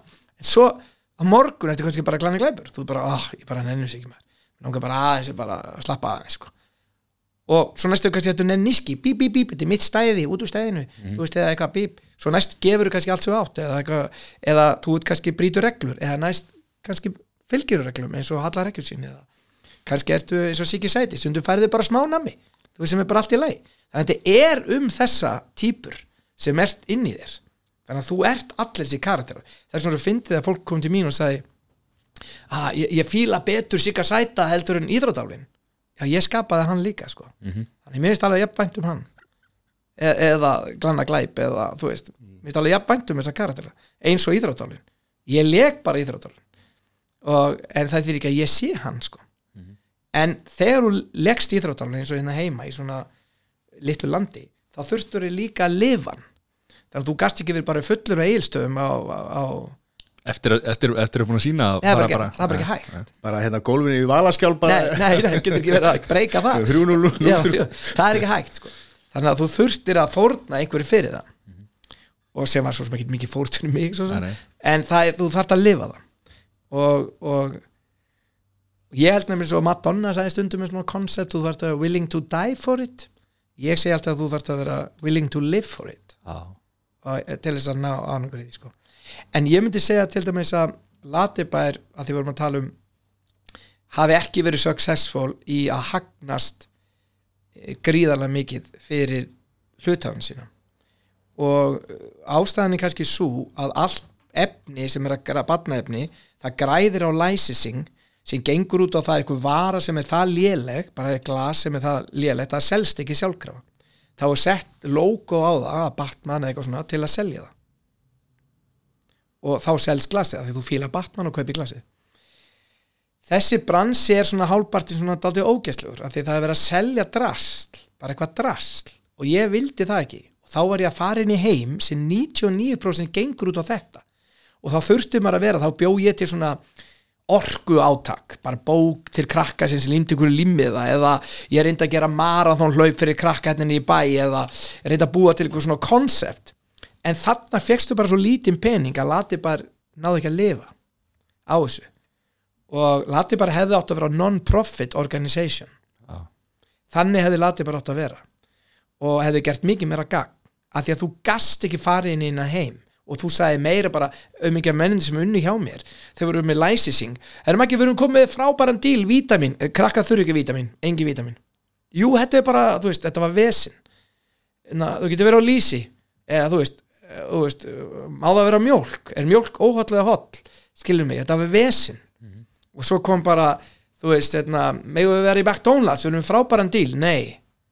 Þannig að það var alltaf verið að segja nei. Af því þú var trúr konceptinu innu, það hefði verið hægt að kassa alveg Já. en en er þá hefðir konceptið, selt sálinna. Ég var bara ekki tilbúin og það er vond fyrir fjárfestara mína en það er betra fyrir já, og, og þá segi ég stundum þannig að, sko, að, og ég vonaðist til að ná því. Ég var, alltaf, ég var á undan minni samtíð. Ég var langt á undan. Ég var, ég var right on the wrong time. Og við vorum alveg að komast en við heldum það ekki út. Og svo seldu það. Og þá tók, tók aðri við því, Turner og það var, ég segi stundum að hann raunveruleg business er það when everybody wins, þegar allir vinna. Þess vegna fannst mér ánægilegt þegar við jökum græmmitisneisli í Mexiko eða, eða í Breitlandi svona rosalega mikið að þá var kannski 29% að þá var sko badni ánægt við að borða ávisti, fóröldinu var ánægir að því það na, retailin eða sjoppan sem seldi ávistinu var ánægð, búðin bændur voru ánægðir. Félagar ykkur bæta félagar ekki bænda heilbriðisráþurinn var ánæður lati bara var ánæður en ég átti bara einhvern græmitisgarð þannig að ég fekk bara eiginlegan pening fyrir þetta. Það var gallin að því að við vorum bara ekki tilbúðinar og það er pínlítið þannig að við erum sko matur sem er óhollur nei hollur til dæmis, hann er mjög dýr. Þú veist, hann ætti að vera ódýrari eða ætti að vera mjög auðveldar að komast að honum eitthvað svona, en það er það ekki sko. þannig að við erum ekki alveg komin ágaf ég held að baráttar um mat verði miklu meiri eftir svona 20 ár, 10 ár. Það verður bara löffræðingur sem lærir og er með mat hann verður vinsarast í löffræðingurinn sko. bara, það verður verður bara lögs, lögsók bara stanslust barnið mitt borðaði þennan mat alltaf nú er ég bara að fara að kæra þig. Barnið mitt er bara að deyja sko. heldur að vera þannig já, 100% Ég bara nákvæmlega svo tobacco. Ég þarf að kíkja eitthvað á það. Já, fræður sko. Já, en þetta er það sem gerist. Og bara pottet og, hérna, og þú sér það bara og ferð að skoða hvað er að fara að gerast Já. í mataræði og mat. Já og síðan sko bara umhverfismálum, plastpókar utan um mat matvæli, pakningar? Fólksfjölgun líka sko, Fólksfjölgun, já. Baráttur um matverður já, gríðaleg og krafan um, um, um hérna, hollari mat já, versus fólksfjölgun. Já, vegna það er ána, áhugavert að sjá að fátækir borða hollamat þá er ég að tala um sko fátækur löndum því það rækta matinn sem sjálfur og svo ríkalið miðlungsfólkið, það er bara í drastlum sko, sem er hrikalegt. Sem er ríkalegt sko. Þannig að þú veist, það er, það er áhugavert. Eitt, ein spurning með hvítahúsið, þú fórst ángað jú, ég, ég, ég hérna ég vann með, ég bjóð til campaign sem heit Move. Og, eh, Let's Move hérna reyndar. Og, og, og var alltaf með svona campaign eða svona eitthvað svona eitthvað svona eitthvað koncept að gera svona skrifa bók um það svona hvernig ætti að reyfa heiminn. Og Michelle Obama fór í, í kerfi sér Let's Move. Bjóð til svoleiðis. Það sem að galli við hana er að sponsoraðarnir ekkert ósipað kannski og íslenski fórsetil kannski lendir í kannski hann getur ekki sett já við og mikið og ekki nei við marga og getur ekki svona eitthvað þú veist að hún þurfti að segja já við fullt af fyrirtækjum sem voru að selja sem pössuðu alls ekki hann inn. Já, bara alveg alls konar ógeð. Fullt af sigri og fullt af viðbjóði og svona. Þannig að koncepti var kannski alveg nóg trú hjá henni en hún reyndi allt sem hún gatt og reyndi að auka reyfingu og allt svo leiðis og hún er alveg ótrúlega klár kona. Og þau bæðir reyndar. Eh, Obama og, og hún. Og ótrúlegu presence. Og hún var frábær fórsett í bandaríkjana sko, frábær. Og fór, við fórum hérna í kvítahúsið og gerðum hérna með henni auðlýsingar og, og, og hoppuðum á sprikluðum að muna engu að það hefur verið að hoppa niður kristall ljósakrónuna hérna í, í kvítahúsinu en þetta var ótrúlega gaman. Og gaman að gera auðlýsingum henni. Það var bara virkilega skemmtilegt sko. Og gaman Já, við hérna við getum verið hérna miklu lengur. já, já, já. kannski í spurningum að við ákveðum bara núna að hafa þetta bara svona 6-8 seríu. Það er, það, er bara svo, það er bara svo áhugavert og skemmtilegt að tala við þig og þú ert með bara svo marga, sko, marga vinkla á mörgum hlutum. Já, maður er sko líf mitt er, hefur verið aldrei skrítið sko. Ég hef búin að lifa aldrei svona sérstækt líf sko. Og eitt sagði við mig sko eða eitt, það er mjög margir reyndar núna segði, þú verður bara að fara í borgarstjóran af því að þú er áhuga skipulasmálum þú eru unni í leikskólanum stanslöst þú eru áhuga mentun þú er vera með kennara allt í kringuðu og gríðalega áhuga mentun íþróttalífi, þú eru keppinsmaður þú er unnið með útlendingum, þú er búið til brand Íslandi brand, Reykjavík brand frábært jobb. Og ég hef áhugjur að því sko, hvað er að gerast í stjórnmálum á Íslandi bara almennt ég er ekki, ég er ekki pólitíkus sko beint, ég er ekki er ekki neinum stjórnmálaflokki, ég er alveg nákvæmlega eins þar, ég begi mig alveg niður í vinstri græna, alveg eins upp í sjálfstæðarflokkin sko, Já. ég get farið í allar áttir í rauninni sko, sem er aldrei óþægilegt sko, ef þú ætlar í pólitík. Það er bara Getur ekki bara, getur maður ekki bara farið sjálfur? Bara, Nei, ég held þarf að- það að stopna Jú, þú ert að stoppa mörg okkur flokk. Já, þetta erum lista. Já, lista svona. Þannig að ég veit ekki alveg hvort maður en, en, en ég, það er 100% út með marga, marga hérna, nei, það er eiginlega þannig sko, að sko þú gæti verið með marga vinkla eins og ég segi, þú gæti hefur um, reynsli í mörgu. En þá held ég að sé aðalmálið ef maður væri í ykkur slíku jobbi ykkur tíman það er þessi regla að geta sett sig í spór annara sem er algjörlega lífsnausileg Já. að skilja nákvæmlega að fólk að þú ert að vinna fyrir fólkið. Þú ert að gera það sko. Og þú ert að vinna og hlusta og hvað er að pæla og hvað er í gangi og svona og hvað er það, akkur er ég að fara að setja saman innan skóla, vill enginn gera það? Og það hjálpar ekki neinum sko. Eða eitthvað slíkt. Eh, þannig að ég, er, ég veit ekki alveg sko. Og, og kannski er eitthvað framtíða sín ég menn það að vera að loka laugaveginum fyrirtækin vil ekki loka laugaveginum sem eru þar. Kannski eru með eitthvað aðra framtíða sín sem þau sjá sem við sjáum ekki. Alveg alveg mölgi það þarf að hlusta á fólki líka skilur, þú veist og Já, það er kannski en, en svo ekki spurningi svo sem eitt sagði við mig sem er áhugaverð pæling sem ég var einmitt að velta fyrir mig var að, ég var reyndar að lesa það reyndar. Að hefðu verið spurt í Ameríku í gamla dag mega svarti fá kostingarétt og það hefði verið spurt hvitt fólk sem réði öllu það hefði örgulega sagt nei. Þá er Þannig að- ennþá þannig í dag. Já, þannig að stundu þú spyrir fólkið þá er kannski ekkit endilega rétt svar. Ekkit endilega. Já. þó að fólkið vilji meina að það hafi rétt fyrir sig sko. þá er, það er þar stundum vision fram í tíman og þú þarft að fara á móti henni þannig ég held að þú, svona góður lítir eða stjórnmálamæður hlusti vel og, og taki eftir og fylgist með og taki til sín fullt af hlutum en komi síðan með eitthvað skona vision. Og mér finnst vanta þessa vision í, á Íslandi sem ferðamannland til dæmis. Ef þú myndir hlaupa á morgun og ég myndi vekja ykkur bara. Hvað stendur Ísland fyrir í ferðaðiðina þú getur ekki sagt það. Bara engin og þú veist við ættum að geta sagt bara sjálfbærni eða ég veit ekki hvað við viljum hafa við sem hreinasta landi í heimi eða ég veit ekki hva, hvað það er þú veist þannig við ættum að geta sagt það ef, að- ef þetta væri brann við erum svo tvístígandi sko. við, við viljum fá fullt af útlendingar með þetta sko. en samt þurfa þetta að vera ríkt fólk sko að, að það má ekki nota landið okkar ómikið sko en samt má þetta vera hérna en. Samt er ekki til peninga fyrir þessu og við lengið að er kúkja á, á þjóðvegin og þetta er Sí. er ekki klósetti. ekki klósett. Kampes þetta og kú- kúki garðara. Er sérstætt en þetta eru samt aldrei við og ég útskýrist undir útlendingu hvernig Íslendingar eru. Ég segi, Íslendingar eru þannig að þú ef að Íslendingar eiga að búa til skip með björgunum þá deyja allir. Þannig að þú ert sko að fá þjóðveri í það. Hann bara skipulögur hvar bátarnir eru og allt bara, svona. Íslendingar er ekkert góðið því en ef að skipið er að sökva þá skaltu grípa Íslending því að hann finnur 500 leiði til að komast af þessum bát. Já. meðan þjóðurinn veit ekkert hvað hann að gera sko.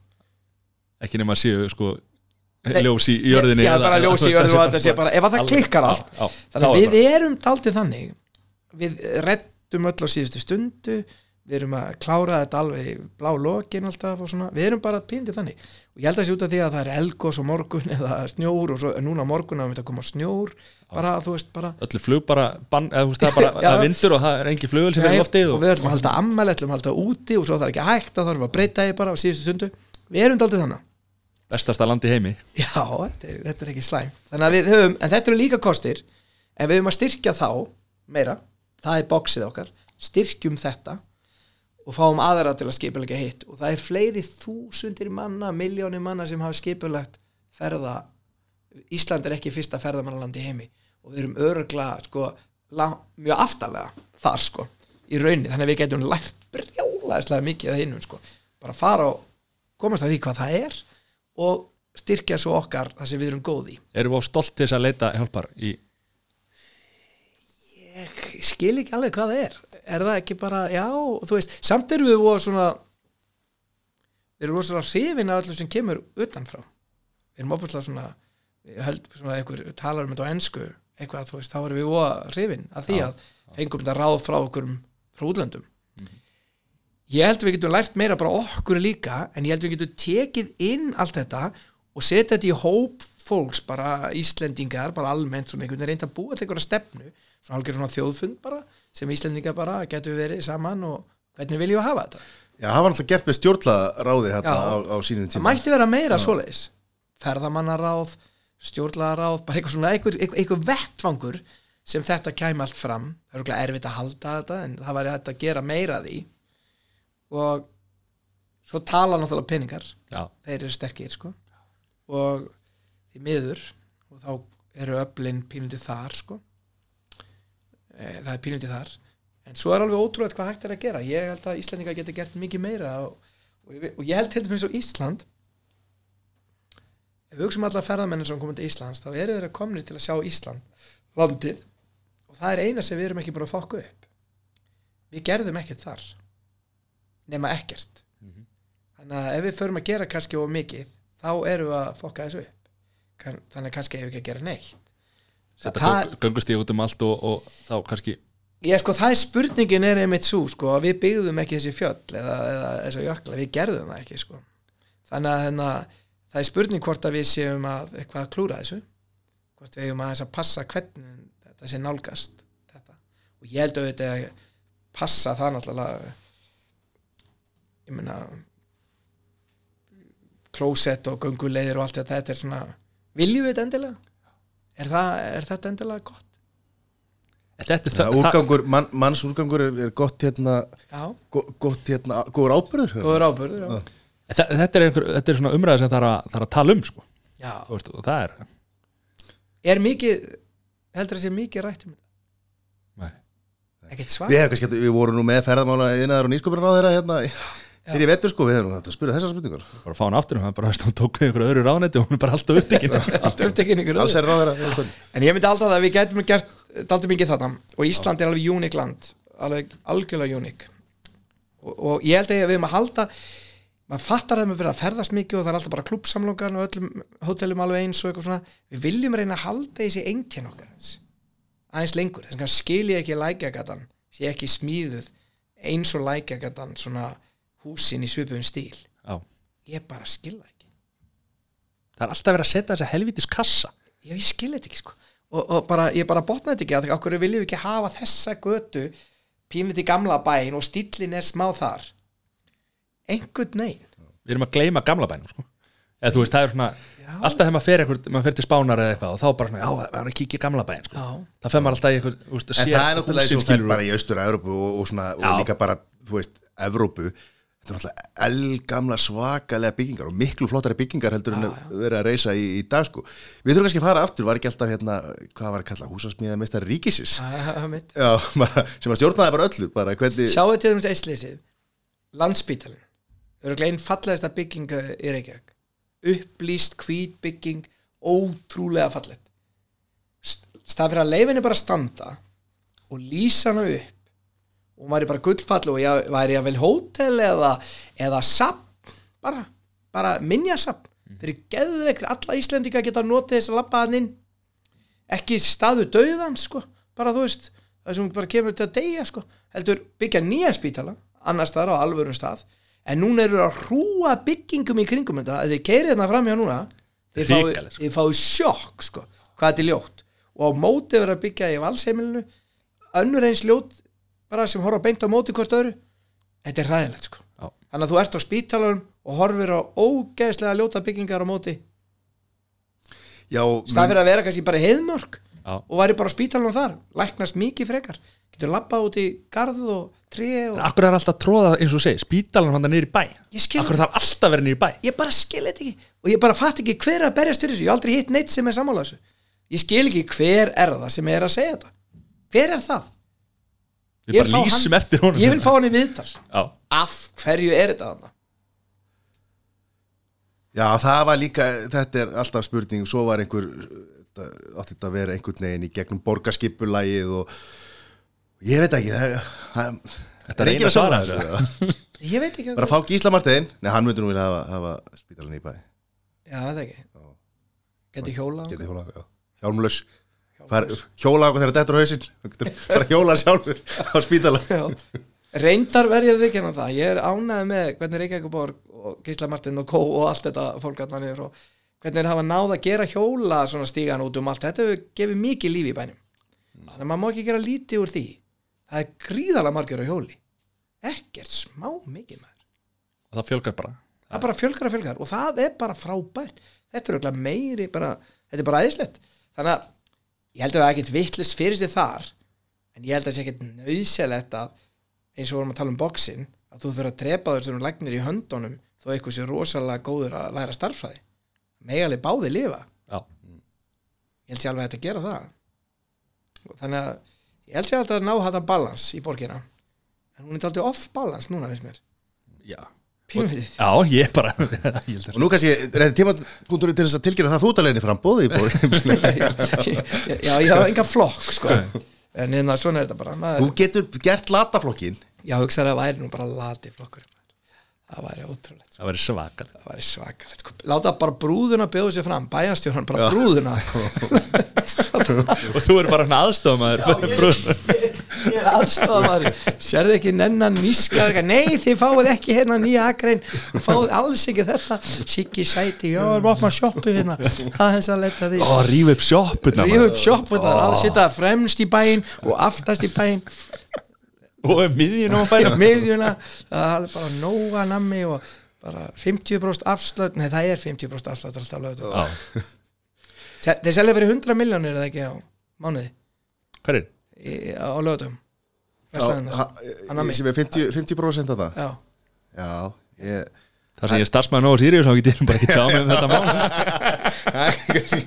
En svo er súkulega holt sko. Já, Siggi Sæti var á, var á Súkkulaði er Nóa sko.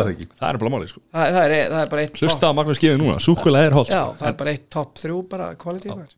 En, en það þarf að vera yfir 70 já, og líka, þú veist, ég meina það, svo er líka bara allt gott í hófi, skil ég segi það líka. Það balans er bara balans balans helsa er balans Já. fáðu stundum súkulega hreyfðu þau svo bara aðeins meira og Bara með að það er nógu Sirius súkulega, þá erum við allir sátti, sko. Ég byggði henni þetta góðu hérna að hluta til hjá honum, hérna, Helga? Helga, það er æðislegt að vinna fyrir Helga. Já, þannig að frábært. Ég tók þátt í því að smíða það með Helga svona, reif utan að því því ég var ungu strákur í aukavinnu. Já, hann byrjaði að vinna í nógu Sirius já ok, keitt sem sína fyrstu kúlu vel þegar hann var hvað fyrir fermingampeningana sína? Að, það er nú ekki alveg þetta er það ekki, jú ég held að. Allan hann mjög snemma. Já, aldrei eða ekki góða sögum með sannleikanum. Nei, Herri, við hérna, við sem ekki að trubla lengur. En takk fyrir. Og leifa þær að, hérna, að sleppa þér. Bara þakka að kælaði fyrir komuna. Gefa þér tíma til þess að tala við okkur og leiða okkur þess að fræðast um, um það sem að þú ert búin að gera sem er ótrúlega áhugavert og það þarf að, það þarf að fá okkur góðan til þess að gera góða heimildamind um, um hérna, ekki bara Latabæ heldur líka um þig, við köllum, köllum eftir því. Já, takk fyrir mistakar Takk fyrir ekki